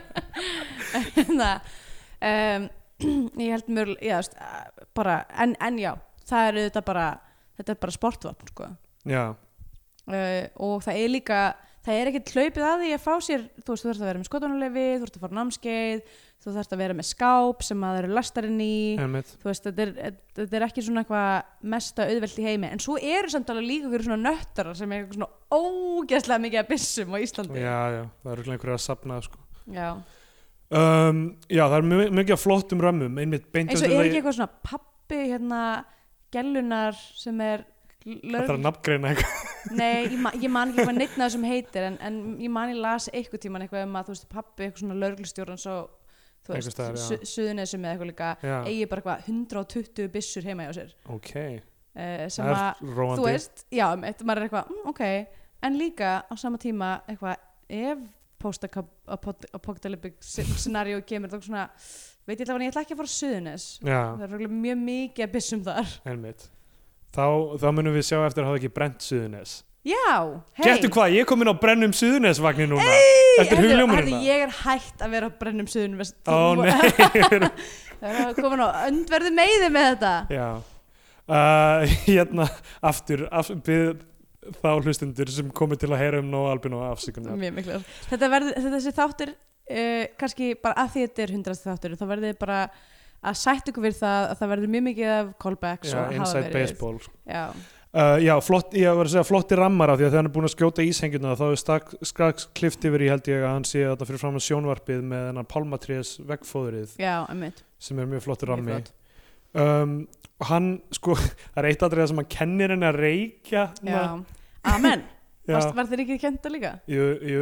heldur byttur En þú veist, ég náttúrulega reykti fyrir aftan, fyrir aftan Snælandsvídeó í Núbalind Ég held ég hef ekki reykt sígarettu fyrir en ég var komin langt upp á þú veist, 30-saldurinn. gæti, þessi nörd Já. Sko, ertu Við allir, við allir keftum okkur einmitt pakka. af síkrættu Já, við, við vorum bara eitthvað, heyrðu, ég var að kaupa okkur pakka sígarettu. það keyptum voru, okkur svona, voru allir að reiki í Pólandi Nei, ekkert svo mikið. Það var bara einhver púki í okkur. Oh. En þetta aftur, það hefði verið mjög subversive akt af sleppa því, skilja, Já. því að tópaksfyrirtækinu og allt það. Einmitt. En hérna, þráttur í löngun okkar, en við keftum svona mjóar, svona mjóar sem eru með svona mentólsprengjum. það var mjög svona, já, það var mjög satisfying bæði að sprengja þér, sko, Ah. og síðan sjúga hennar mjóa, það er náttúrulega alveg fárlega þetta gamifying af síkrættum já. eitthvað svona að fólki er eitthvað svona ú, þú getur ít að taka Það voru auglýsingar út um allt fyrir þarna Íkos, þarna nýja brandi frá Marlboro sem er, þú veist, s- svona eins og veip nema það lítur út eins og alvöru síkaretta og, og reiki, þú veist, sem þú setur hilki Já, setur svona eitthvað ba- hilki í batteri sem er, sem er þarna absúrdi eventin Já, sem já, að- við sem fórum að- að viðburð sem hérna að- sem sem að- Gusku spilaði já, á. Guspi spilaði Já. og allir var eitthvað Allir var eitthvað viðlóðandi viðloðin, já, já, sem að var eitthvað alveg bonkars að hana- að já. vera að pranga Ég hef aldrei þessari séð neitt nota þetta en það voru Stú- auglýsingar út um allt fyrir þessa vöru. bitvöru sko, þetta er mest stúbit vara sem ég hef nokkuð Já, tíma séð já. þetta er sem sagt uh, sígaretta sem er ekki sígaretta, heldur eitthvað svona veip nema það að þú þátt að kaupa hilki fyrir hverja sígarettu til þess að setja í uh, hólkin eða eitthvað svo leiðis Þetta er kallað Heat Not Burn Tobacco Product það var alveg absúrt en fyndið og, event Já, og sígarettufyrirtækin segja að þetta sé miklu hotlara en það er eitthvað rannsóknir það Nei, þar að baki, nákvæmlega. sko. það er náttúrulega engar rannsóknir með alltaf veip og allt þetta þú veist það, þetta er Nei, bara svo nýtt að það er ekki það er ekki komið nógu langur tími til þess að vera með haldbæra rannsóknir um þetta Já, og það er bara við að lifa á brúnni að vera eitthvað ok, testum þetta, testum þetta ekki ég veit það ekki Æ, uh, Greipur Gíslason er bekkjabróðir hans hann mhm. um, Hver er aftur greipur þetta, Gíslason? þetta er ég þekki hann bara sem svona man about town í, í, þú veist, hann er, hann er samt, hefur verið mikið hvort, Þetta er er hann ekki að- nafn, hann þetta er er að- algjört nafn sko. hann er að vestan sko Ég er bara að segja þú veist nafnið eitt og sér maður heyrir bara Greipur Gíslason og maður heldur eitthvað að hljótt, þetta lítur að vera maður sem margir þekkja já, já. ég held að hann, þú veist, hann var að vinna eitthvað fyrir hörpu, hann er vinnur fyrir hönnunamistu hann er svona, þú veist já, bara svona já, lista tengdur maður allavega Mhm. en, hann leikur þarna einhvern svona bekkjabróður hans og mér finnst hann alltaf svona skemmtilegur í þessu Já, og hann sem sagt, kemur með upptökutæki svona diktafón í tíma bara til að taka upp Það- upp í já, hérna einmitt. uh, þú veist, sem, nú, sem er klikkað þarna en er mjög venjulegt En- núna Eh, já, í núna einhver svona bara- fjarnámi þá er fólk bara að horfa á upptökur á fyrirlestrum nákvæmlega í og sko ég háskólanámi er verð að þetta segja bara svo er venjulegt fyrir þetta að því að stór partur af narratífinu í þessari mynd er það að Nói er ekki að standa sig í mentaskóla og hann er á endanum reiknumskólanum Hmm. Já. og það er aðalega vegna þess að einn kennari er alveg að missa alla þólumæði fyrir þessum hérna uh, þessari hegðun hans já, sem er bara venjuleg hegðun í háskóla af því að háskóla, Já. strax þú er búin með mentaskóla sem er mjög fyndið þá að því þarft að ekki að mæta og þú getur bara tekið upp já, og það er skoða bara seinna. ótrúlegt hvað Unnið gerist þinn eigin tíma. gerist á þessu eina árið þar sem maður klára mentaskóla og byrjar háskóla er Já. að maður er bara, þú veist allt í einu eitthvað þarf að vera fullur mannskja og Einmitt. einhvern veginn taka ábyrða sjálfum sér já, en, hérna, en, þessi, en þessi kennari uh, myndi ég segja að væri óvenju hörundsár já, hann er að það því hann fer á fund með skólastjórnum með bara eitthvað, ef að þessum nemanda þessum eina nemanda já, er ekki vísað á brott þá mun ég segja já, þetta er bara afarkostir já, sem að skólastjórinn segir bara nett græja um ok, diktafónin það nótraði það moment ég var eitthvað, oh, hann er nettur hann Já. er nettur sálfræðingur heldur hann sé undrabart segir hann sko já, Hann- kennarinn lætur hann fara aðeins of mikið í taugunar á sér af því að mm. svona í byrjun finnst mér eins og þetta er kannski að ég þekki Guðmund Ólafsson persónulega, hann er pappi æskuvina mín ok og er, hann, er, hann er subversive maður hann er, hann er eitt saman vinstu sinna sem ég þekki og, ég- hérna, og er að vera svona almennlegur Ok. og, hérna, en þú veist mér finnst ekki alveg nógu undirbyggt af hverju þessi kennari veri, lætur þetta fara svona já, mikið í taugunar á nákvæmlega, sér einmitt, af hverju hann er, þú veist, af því að hver getur ekki séð að það nertu með einhvern jaðarsettan einstakling sem er bara eiga erfitt uppdráttar Já, hann lætur hann fara mjög mikið í taugunar á sér en svo fannst mér líka, mér fannst mjög óljóst hvenar þessi mynd þetta var að gerast Já, af því að, af því að þú veist, gæti hafa gerst alveg eitthvað áður af, af því að þú veist, Viewmaster þið, þykir allt í lagi afmælskjöf handa 17 ára já, nákvæmlega ég var Strák. eitthvað, ok, þetta hljóma nú meira eins og þetta sé eitthvað svona 80s Þetta er einhvern tíma, það lítur að gerast á tíundu áratunum af því að það er svo skýrar vísanir í snjóflóðun, flatir og súðavík sko. já, ég held að, ég var að mynda að hugsa það þetta hlýtur að vera, þú veist, af því að það var svo mikil snjóflóða tími, þannig að Já, það á sér ekki stað lengur út af því að uh, bara f- var það Hlýnun görðum á einhverju? jarðar. Já, já á, á þetta ekki að, að eiga sér meira stað eh, ef eitthvað er út af hlínun jarðar nei, en það bara Er þetta ekki út af snjóþ- var- er þetta ekki út af varnagörðunum meira sem í líka verðnagörðunum en, en snjóþungi er bara ekki jafn mikill þú veist, það er ekki jafn, þú veist Ok, okay. ókjögull er horfin, hann er ekki til lengur já, já,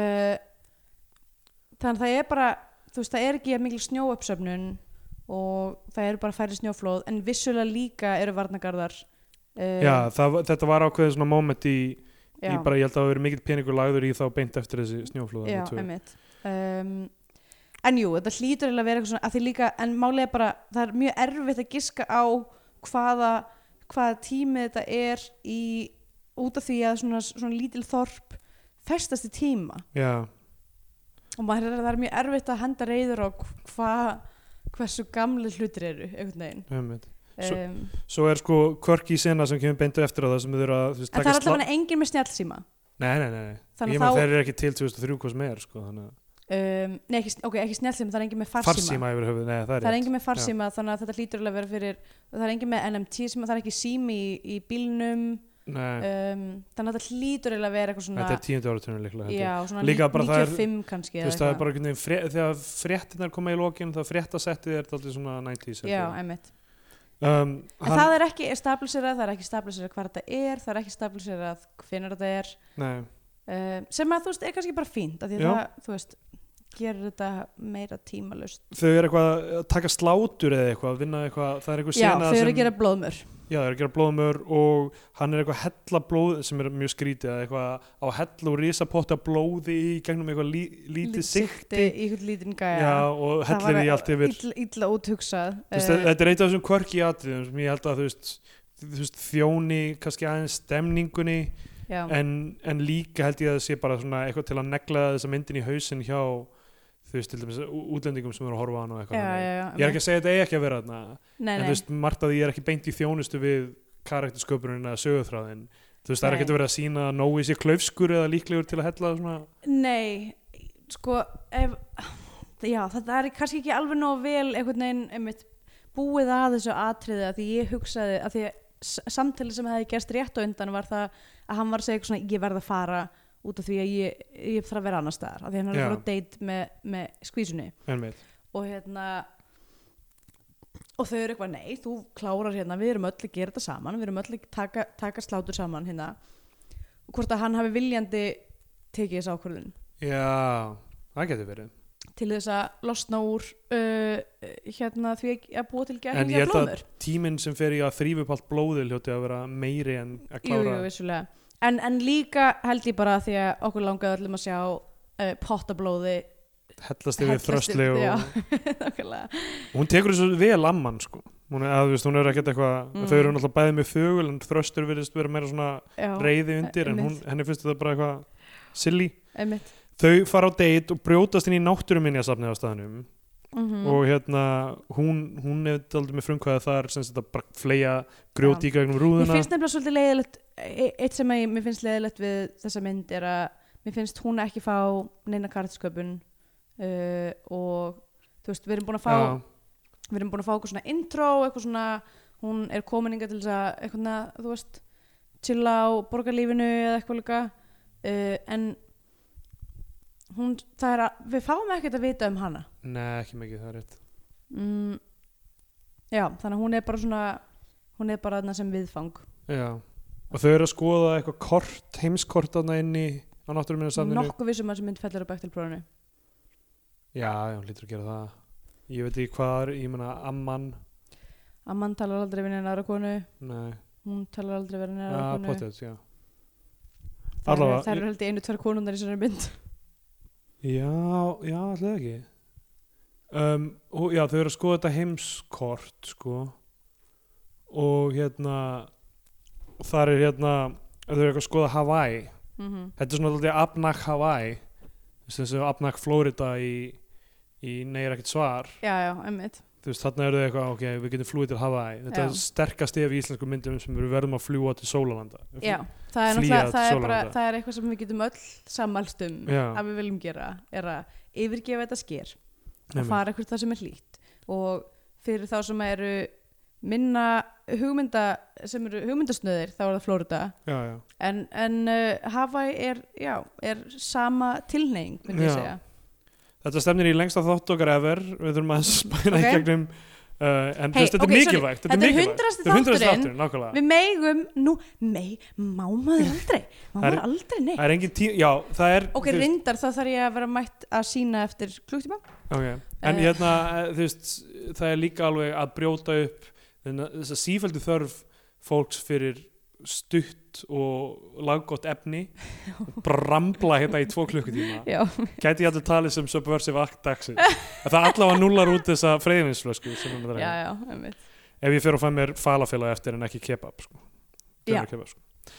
uh, hann er rekin úr skólanum hann Mhm. mætir hindi pappa síns uh, þar sem pappa hans er nýbúin að bara taka exi á píanóið, hann er eitthvað að reyna að spila á píanóið Já, sem að mér fannst svolítið áhuga- áhugavert brot á í rauninni narratífinu er að sjá allt í rauninni að pappans einan eitthvað. já, það Að er díla að við, díla við sitt þunglindi Já. og alkoholisma er að hann brosna drauma uh, og brotnum drauma því að hann greinilega vill vera tónlistamæður Mm. en, en er leigubilstjóri í smárþorpi og, og hann er eitthvað svona að reyna að glamra á píanóið fullur og bara fucking rústar því, endar að þeir rústar því og er öskrar á það, það er ekkit það er engin, það er Ég- engin músík í þessu píanói Já. eitthvað, það, er engin, það er engin lög það er engin lög í þessu píanói já.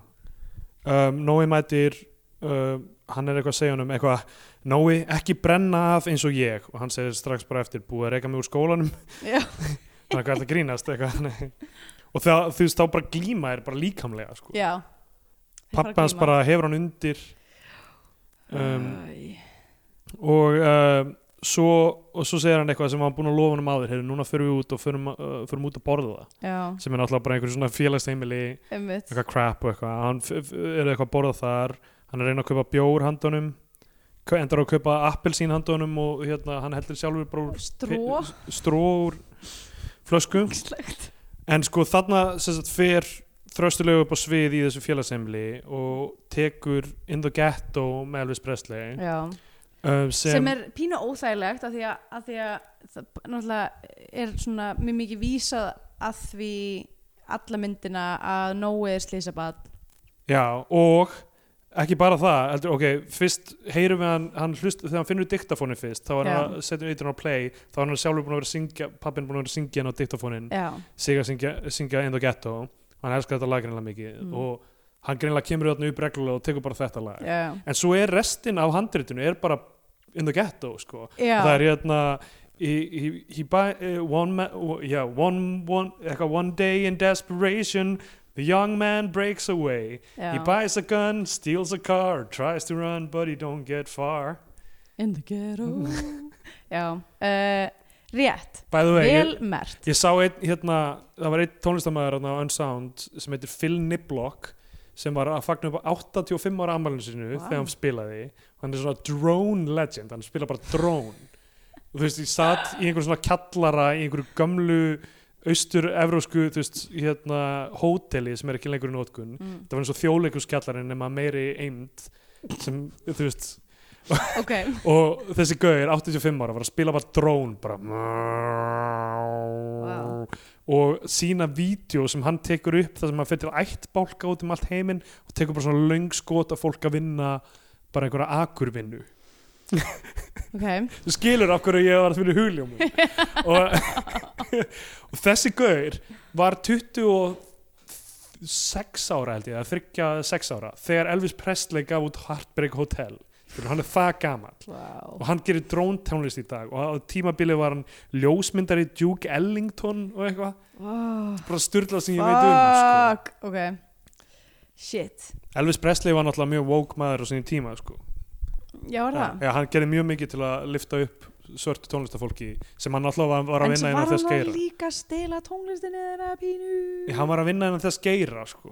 en ég held að þú veist, almennt hafa verið mikil ánægja með hann með Er að það? hafa tekið marga upp með sér sko. Ok, ég hef ekki kynnt mér það en það, já, mér finnst mér eins og mjög, nógu margir hafi kynnt sér hann. já, það, ég held að það séu, þú veist, maður á að líta til Led Zeppelin og einhverja sem þessar ljótu þjófa sko, sem, þú veist, Já. tóku bara bluesriffin og bara Einmitt. Ok, gerðu lögum sinni. ég veit ekki hver pólitíkin er þar, Já. en hérna, Þetta aftur ég var að segja við ættum að flýta okkur og ég Já, tek ég einhvern veit að- fáraland í túr en hérna, með þetta, með In the Ghetto, að því að, já, með- honum er hent út, þarna, pappar sem Já. syngja In the Ghetto, honum er hent út og hann er eitthvað, með, svo er bara köttað í það að pappan sem er búin að redda honum vinnu í kirkjugarði sem að er mesta dead end job Já. sem þú getur ímyndaðir og hann á eitthvað svona uppljómun þar sem hann er að grafa sína eigin gröf já, Eh, því sem næst Erst, hann, er að, gra- hann er að grafa gröf í kirkarnum um hávetur Mhm. uh, og, og, og þá, þá svona, þú veist það er the moment of desperation við ho- hoppuðum yfir eitt samt sko að fyrst, eftir að hafa verið hent út af þessu kvöldi, þá reynir hann að brjótast inn til já, já, kæristum einmitt og hérna endar að þú veist, pappennar sér hann eitthvað og hann bara eitthvað gistir hann já. og þ- mam, amman sem sem búin að fá þetta spá session maður sem við höfum aldrei sjáður sem er leikinn að kjartanum Bjargmundsinni um, uh, hann hérna um, á að Já. spá fyrir honum einmitt, amman mætir bara á uh, slökkulstöðuna já, af því hann er slökkulismæður af því að allir uh, í þessum bæ þjóna einhverju svona tilgangi Já, þetta er algjör hérna, kardimóðum bær og hann, hérna, þú veist, hún er eitthvað svona þú verður að spá fyrir honum nóg mínum hann er svo stefnulegs og hann er eitthvað að ég er eiginlega að reyna að hætta að gera það já.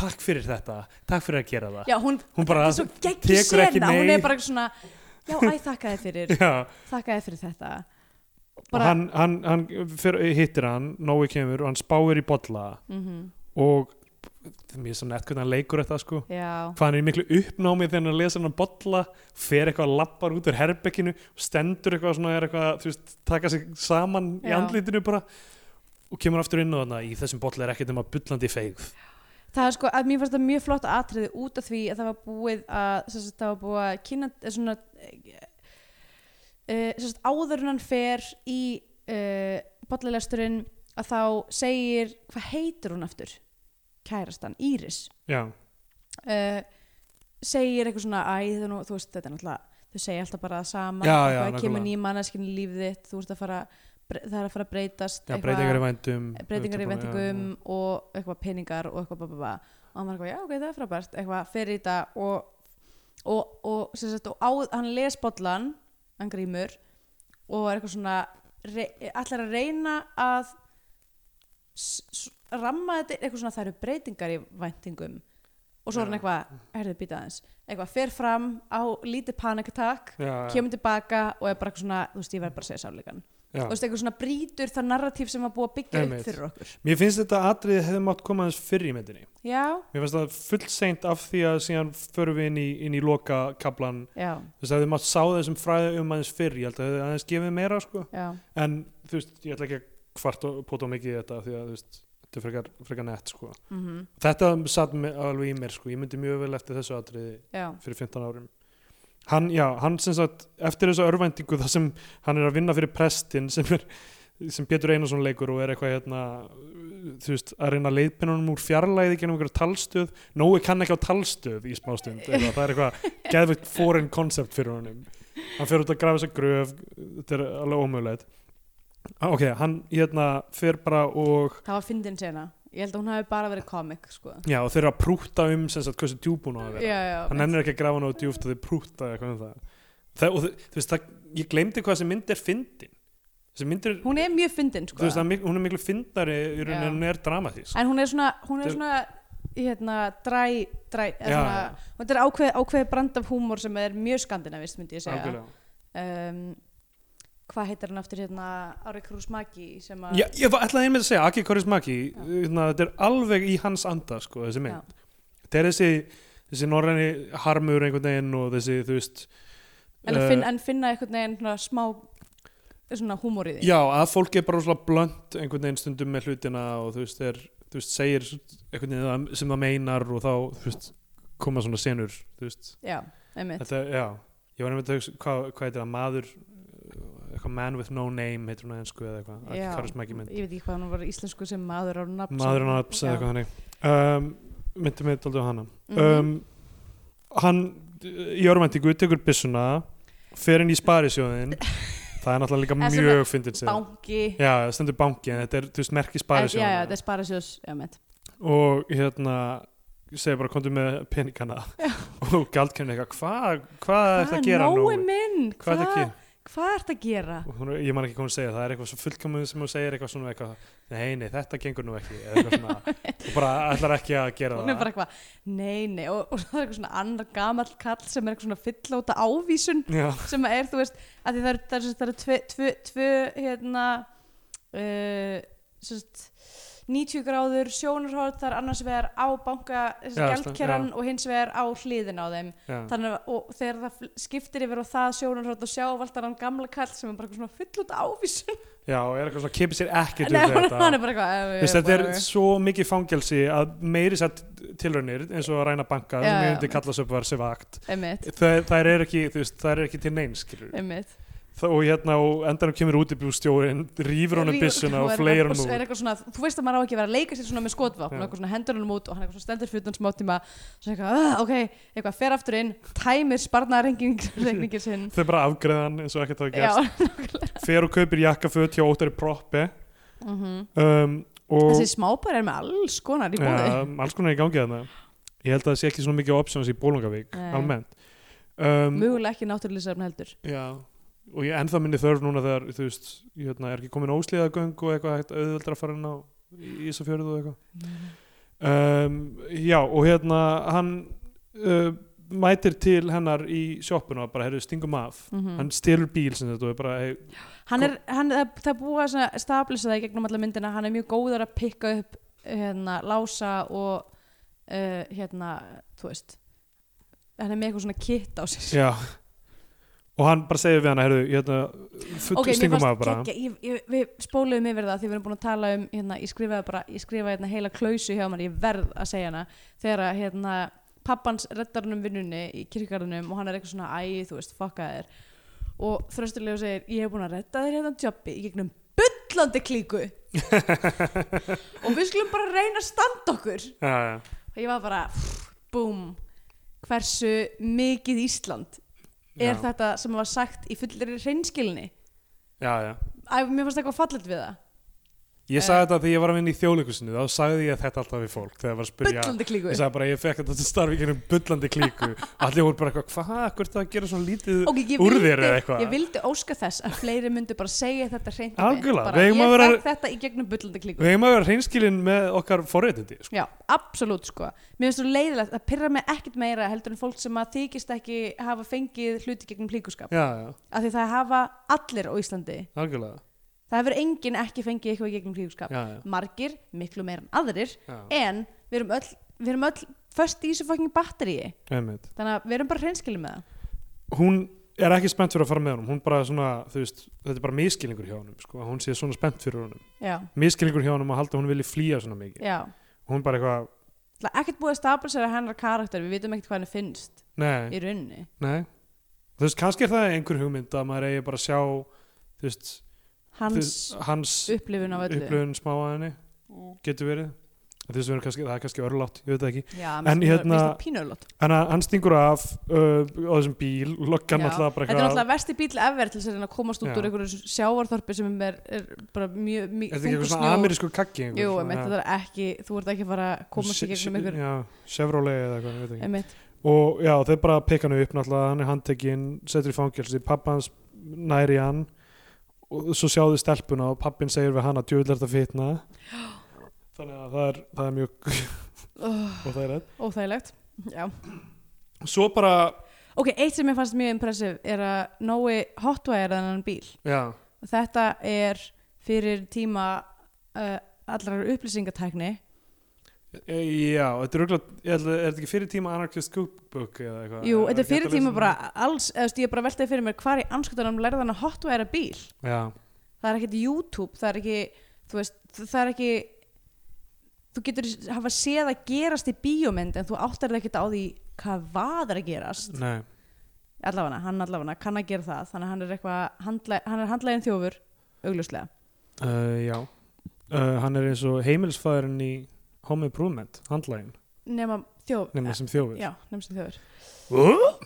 oh boy. hérna, allavega þá hérna, næsta sem við sjáum held ég bara er viðbröð allra við það sem er Mm. Já, af því sem svona, gerist. honum er keirt heim eftir að hafa reyna, Já. hann reyn, hann, sko, ok, þetta er samt svo fallegt að því að hann fær, hann fær þessar fregnir sem að er feigðin, já, svo upplifir hann sig að grafa sína eigin gröf, já, eða þú veist, metaforist, Já. hann er að grafa gröf, hann Já. er bara svona, þetta er mesta dead end sem að er mögulega til í heiminum emitt og tekur og bara svona fer í eitthvað rof, ákveður að reyna að ræna banka, reyna að stela bíl, reyna að komast út úr plásinu, já, honum mistekst, hann kemst ekki neitt og, og hérna og svo er hann bara keirður aftur heim og hann fer aftur onni litlu hólun sína sem við erum Já. ekki búin að tala um neitt nei, hann er alltaf í ykkur svona kjallara þú veist sem þú opnar með hlera já, það er svona eh, ba- kjallarinn á, á svona old school hérna bóndabæshúsi já, og hérna og hann fer þarna niður til þess að vera einn og eitthvað svona reykja og hlusta á tónlist og eitthvað og hann svo, sérst fer svo bara hérna fa- kannski, kannski bara svona, svona komið fram ég, þú veist, ég fíla svo sem alveg þetta, þetta in the ghetto tenginguna já, en það er örgla smá ósangjart að bera saman smábæðilíf á Íslandi við, við aðstæður svartra í bandaríkjunum absolutt á, þú veist, bara einhver svona Jim Crow árum Einmitt. en hérna, en enga síður þá, þú veist, er þessi speklun þú veist, ef maður tekur hann ekki of alvarlega þá, þú veist, er, er þetta skemmtilegt sko. já, já, um þú veist, hvaða eru lí, lítil tækifæri og litli möguleikar Mhm. um, en já, hann, hann er komin að náni í hóluna hann heyrir það er bara Byrjar að- skruðningar skruðningar og svo sjáum við bara svona skot af öllum öllum personunum í rauninni, Já. þú veist, svona helstu personunum helstu þess að við bara svona bregðast við hljóði í fjarska já, svo sjáum við hann bara þarna onni í já. hólunni það til björgunarsveitin kemur Já uh, og mér fannst þetta mjög nett leið til þess Já. að uh, vinna í kringum þetta, þetta er svona, þetta er svona hérna, hákallinni í Jaws algjörlega, maður þarf ekki að sjá að þú veist, þarf ekki að sjá hlutin gerast já, uh, já, og það er í rauninni miklu meira intimate að sjá allt fólkið bregðast við þessu já og sjá svo bara svart Einmitt. og svo, og, þú veist, og, svo er hann Björgunarsveitin er búin að ná honum upp úr þessu og hann er með bara eitthvað teppi utan um sig að borða bara eitthvað spagetti kásu í Já. einhverju svona eh, væntanlega eitthvað einhverju- skóla eða, já, eða, í skóla eða einhverju rými þar sem er fólkið að safna saman og hann reynir að hella tómatsósu á spagettíð en hún kemur út eins og flóð í Já. hún spagettíð eins og blóðið sem hann hafði sullaðið allt áður og einmitt, bara feigð hellist yfir spagettíð hans einmitt. feigð hellist yfir spagetti Nóa ah, uh, og hérna horfir á fréttinar það sem er einn af þessum, ég man ekki hvað hann heitir einn af þessum svona 90s rúf fréttamönnum já Það um, fór það jafn mikið í tögunar á þér og svona fréttamenn sem þú þekkir nei, nei, nei, eiginlega ekki sko. Nei. þó þetta sé alveg fréttamöður Mm. sko. en þetta er einn af þessum svona 90s ég man ekki hvað hann heitir þarna Þetta, er ekki, þetta var ekki hérna Ólafur Sigur svona, sem ófegur í spaukstofunni var einhver svona Parodía. Já, ok, sem er svona var alltaf, talaði alltaf svona þetta aldrei svona já, ok, ég, ve- ég kannast ekki við það Já, og þú veist, og þetta er sami tímabil og þú veist, það var Yngvi Hrafn og hérna, og a- a- allt þetta svona já, að, já, það voru svona 90s sjónvarsfréttamenn Ok. svona anchors, ég man ekki hvað þessi heitir en allavega hann og þetta, þetta dæmi speglar sem sagt, það sem gerðist aldrei á Flateri og Súðavík af því að það var svo magna þá að daginn eftir snjóflóðin eða þess að þau voru sitt hvað daginn en ég man ekki annað þeirra allavega já. flateri held ég morgunblæðinu tókst að útvega myndir af hverjum einasta sem dó Vá. hverju einasta fórnalambi og forsíðan á morgunblæðinu voru bara, þú veist, þetta er eitthvað svona mesta fít í íslensku blaðamennsku á pre-internet tíma Já, já. voru bara ljósmyndir af öllum sem dóu Úff, bara ruggladæmi í rauninni Já. og eitthvað svona áhrif mesta svona forsíða mhm, í íslensku fjölmjörnsögu og þa þarna sem sagt eru þau bara, við erum komið með tölulátina já, þetta eru þau sem lá- eh, dóu og hann byrjar bara að lesa um nöfnin og þá koma myndir af þeim já, og það eru bara allir sem Nói þekkir já Eða, þú veist, og það, Nei, það eru allir sem að nóa eða sem, sem að hafa sínt honum einhvern einhverja velvild eða Já. elskan já, að þú veist, það er, það er það er skólastjórinn presturinn presturinn já, við sjáum ekki kennaran, við sjáum Nei, ekki um hann var komið nefnilega ekki þarna, Já. ég tók eftir því sko það voru bara allir þeir sem að, þú veist, eins og hann er feigðarmerkið það er, pa- það er pappi hans, en það er þau amma hans stóðu. og það er Íris eða Íris eitthvað, eitthvað, og, kærasta- og hérna pappi hennar já, sem pappi er bók, hennar, bóksalinn bóksalinn já. uh, allir sem er búin að vera góðu við hann allir sem að hafa nokkuð tíma sínt honum velvild mm. dói já, þetta er eh, ákveðið skandinavian pain þannig að og ég bara, pff, þú veist, algjör sprengja Já. Ah, þú veist um, svo enda myndin að hann er bara með viewfinderinn sinn já, hann klifrar aftur ofan í litlu hóluna sína já, og fer að skoða viewfinderinn og, hérna, og við sjáum sem sagt, eitt af skotunum sem er pálmatrí á já. strönd það er ön, önnur stilla sem við séum oft er einhver svona ættbálka Já. maður einhver maður svona einhver bera svona ofan márískur eða já, ég meina Tahít- tahítian eða eitthvað líka Einmitt. og, he- og, he- og svo þessi, þessi pálmatri á strönd og þetta Mhm. er þú veist, þetta er eiginlega það sem ég var að tala um fyrir hvað hva, hva, kvikmyndir nýta illa þetta myndræna já, er það sem gerist þarna er að stillan sem við erum búin að sjá ofta á þér af pálmatrjánum byrjar að hreyfast sko. Já. hún er mynd hún, Einmitt. hún er myndband sko. Já. öldunar koma inn mhm. og það er enda myndin og það er enda myndin og það er vel já, uh, Scandinavian Pain Index oh boy ég meina þessi mynd er klárlega sko mér finnst þessi mynd að því að þú veist að því að við höfum kannski ekki tala svo mikið um þetta þenn, þetta er litla svona offshoot af Scandinavian Pain sem að er svona krút pain já, uh, að því að þessi mynd er eh, svona klárlega myndi ég segja high watermark Þetta er Í- svona krútkynslu að dæmi, við erum Já, að tala um, þú veist, Moom, Sigurós og Já. á þessum tíma, sko. algjörlega og þetta er svona þú veist uh, svona Ísland sem krútland Já, uh, moment algjörlega, eh, myndi ég segja svona þú veist, hvar aldan náðu hæst nefnitt. Krútin er ekki, þú veist, ég meina, ég held að þau eru ekkit innihaldslaus, ég held ekki að myndi, nei, nei, nefnilega Alltaf ekki er sko. frá- að þú veist, en, en- það, en það er það þú veist, sem er, þetta orð er stundum aldrei brenglandi. já, ég veit það en, en máli er að ah, já, það er brenglandi kannski að því það bara svona fór þú veist, bara eins og, þú veist, eins og flest margar stefnur sem að, þú veist, eru með eitthvað svona gott inntæk og, og þú veist, og þegar, þegar dúka upp er allir mjög spenntir fyrir þeim en svo, þú veist, kannski bara verða þar og breyðar og taka mikið pláss og, og, og þá fær maður svona Já, já, ógeð á, einmitt. þú veist, að því það er bara svo mikið í gangi en, en krút sem konsept var, þú veist, klárlega á- átti, átti sinn stað og, og moment í íslenski sögu og hérna og mikið af því var tónlist líka sem er hægt að þú veist, eins og við tölum um hægt að tólka á margan hátt Já, emmitt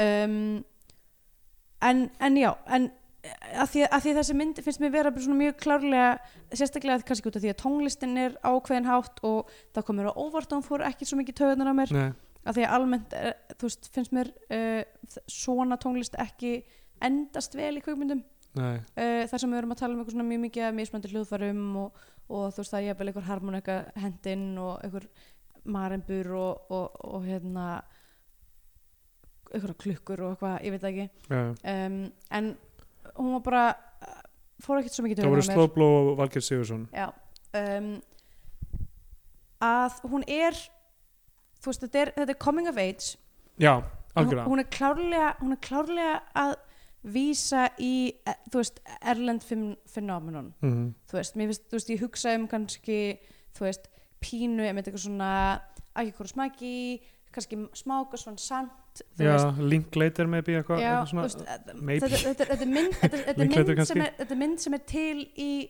ko- konteksti, já, já, fæðru uh, en hún er samt alveg mjög skandinavian penis þú veist, hún er basically blá já, það er, be- þú veist, hún er blágræn það er ekki, það er ekkit raukt í þessari mynd til uh, þannig að uh, greiting er definitely í þessu, þessum blæ þetta er smábær út á landi við aðalsögu personan er social outcast Ég skal bara eru Já, pásaður Social ákast um, og náttúruöflin eru alltumlíkjandi við finnum fyrir þeim bara svona þrúandi í gegnum alla myndina Kristina Eh, var að hringja bjöllunni þannig að okay. við klippum þetta ekkert, við höldum í sinni Já, höldum við sinni uh, Þú veist, og svo erum við með þunglindi við erum með alkálisma þú veist, við erum með bara svona þessi deprimerandi hugsun um að, um að maður getur aldrei sloppið frá þessu fangilsi sem Já, já. er klakin uh, þannig að þú veist, hún er mjög kjarnandi fyrir Skandinavian Pain, finnst mér sko uh,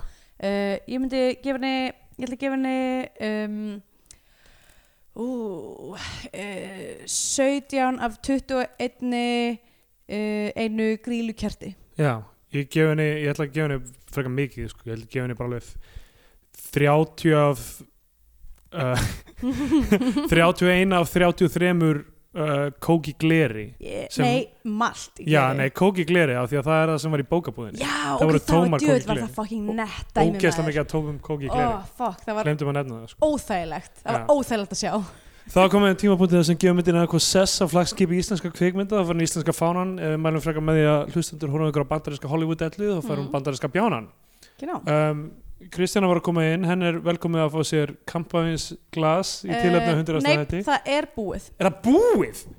Kláruðu við kampavins? Ég... What? Ok, þú ert með tvo súpa eftir, hún má fá þá ef hún Oh shit Sorry, hei, ég held að þú myndir vera heima Ok, allavega Áfram með smjörið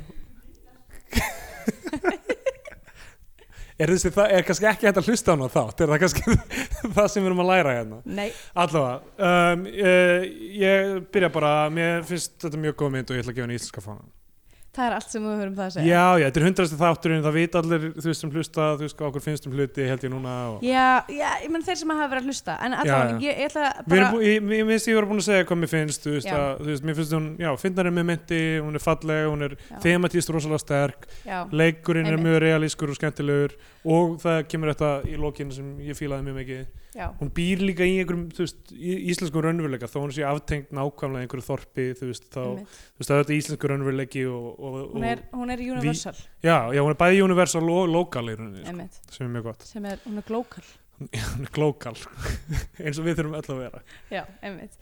Uh, já, ég ætla að vera sammála.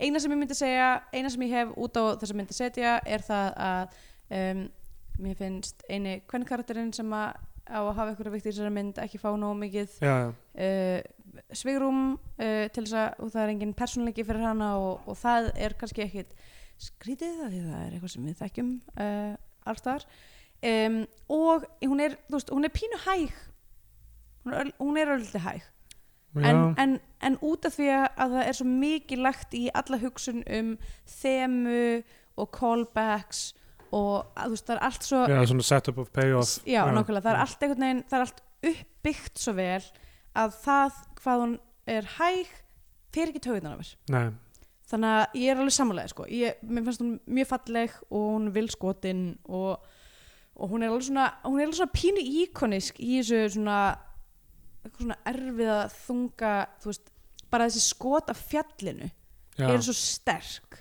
af því þau eru svo mikið svona, svona mútsetting bara fyrir þú veist, íslenska náttúru sem uh, metafóru fyrir eh, þú veist, í- einhvern veginn um, andlegt ástand fólks já, ef það meika sens já og það En- er rosalegi, rosalegi veturinn sem er í gangi líka alltaf sko, Já, en sem, að, sko það er eins og í þessu þorpi er að það er aldrei ekki vetur já, já, þú veist, öll myndin Það er gerist og tilfinningin sem það er maður fær, kalt já. allan tíman og líka bara því að greitingi er svo ótrúlega blátt að Já. þá einhvern veginn þau eru samt aldrei vel dúðuð þau Nei, eru ég alltaf veit mjög illa Ok, klætt það er náttúrulega, hugsaði ég var að vera eitthvað, þetta er náttúrulega fárlegt hvað þau eru illa klætt ég held að sko. það sé viljandi sko. ég, Já. ég held að hugmyndin sé þú veist að þau get ekki varið f- sig fyrir þessu umhverfi fyrir, raunverulega. þessu, já, fyrir þessum kulda sem að st- stingur hennar beini já, en já, ég, nei, hún farið 100% líka íslenska fóna frá mér Já. og hún uh, bara siglir bara stolt á flagskipinu já, og ég myndi segja að það sé nógu djörf list til að ég sé sáttur sko. já, ok, flott já, uh,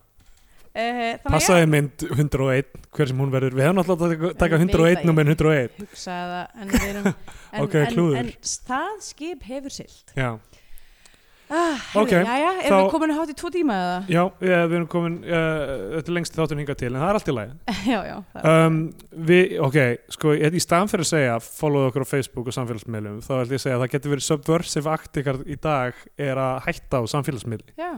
hætta þau einu samfélagsmiðli ok, ég er bara, þú veist, ég tek undir þetta ef þið hafið tök á, það er erfitt þú veist, sumir eiga, jætul, þú veist það, samfélagsmiðlar er búin að taka yfir jætul vinnu okkar Já, skilur, einmitt. við þurfum að vinna í gegnum það í gegnum persónlega samfélagsmiðla okkar og uh, það er erfitt fyrir marga mm en uh, ef þið hafið tök á já, af því að ég veit að þið leitið til Bíotvíó til af því að við erum neistinn sem kveikir í púðurtunninni oh boy uh, að þá segjum við bara í stað þess að eh, heyra í okkur þótti vissulega megi það uh, bara hérna niður með kjarfið og Já. lifið, lifið heil við höfum enga tapan um að hlekkjunum bye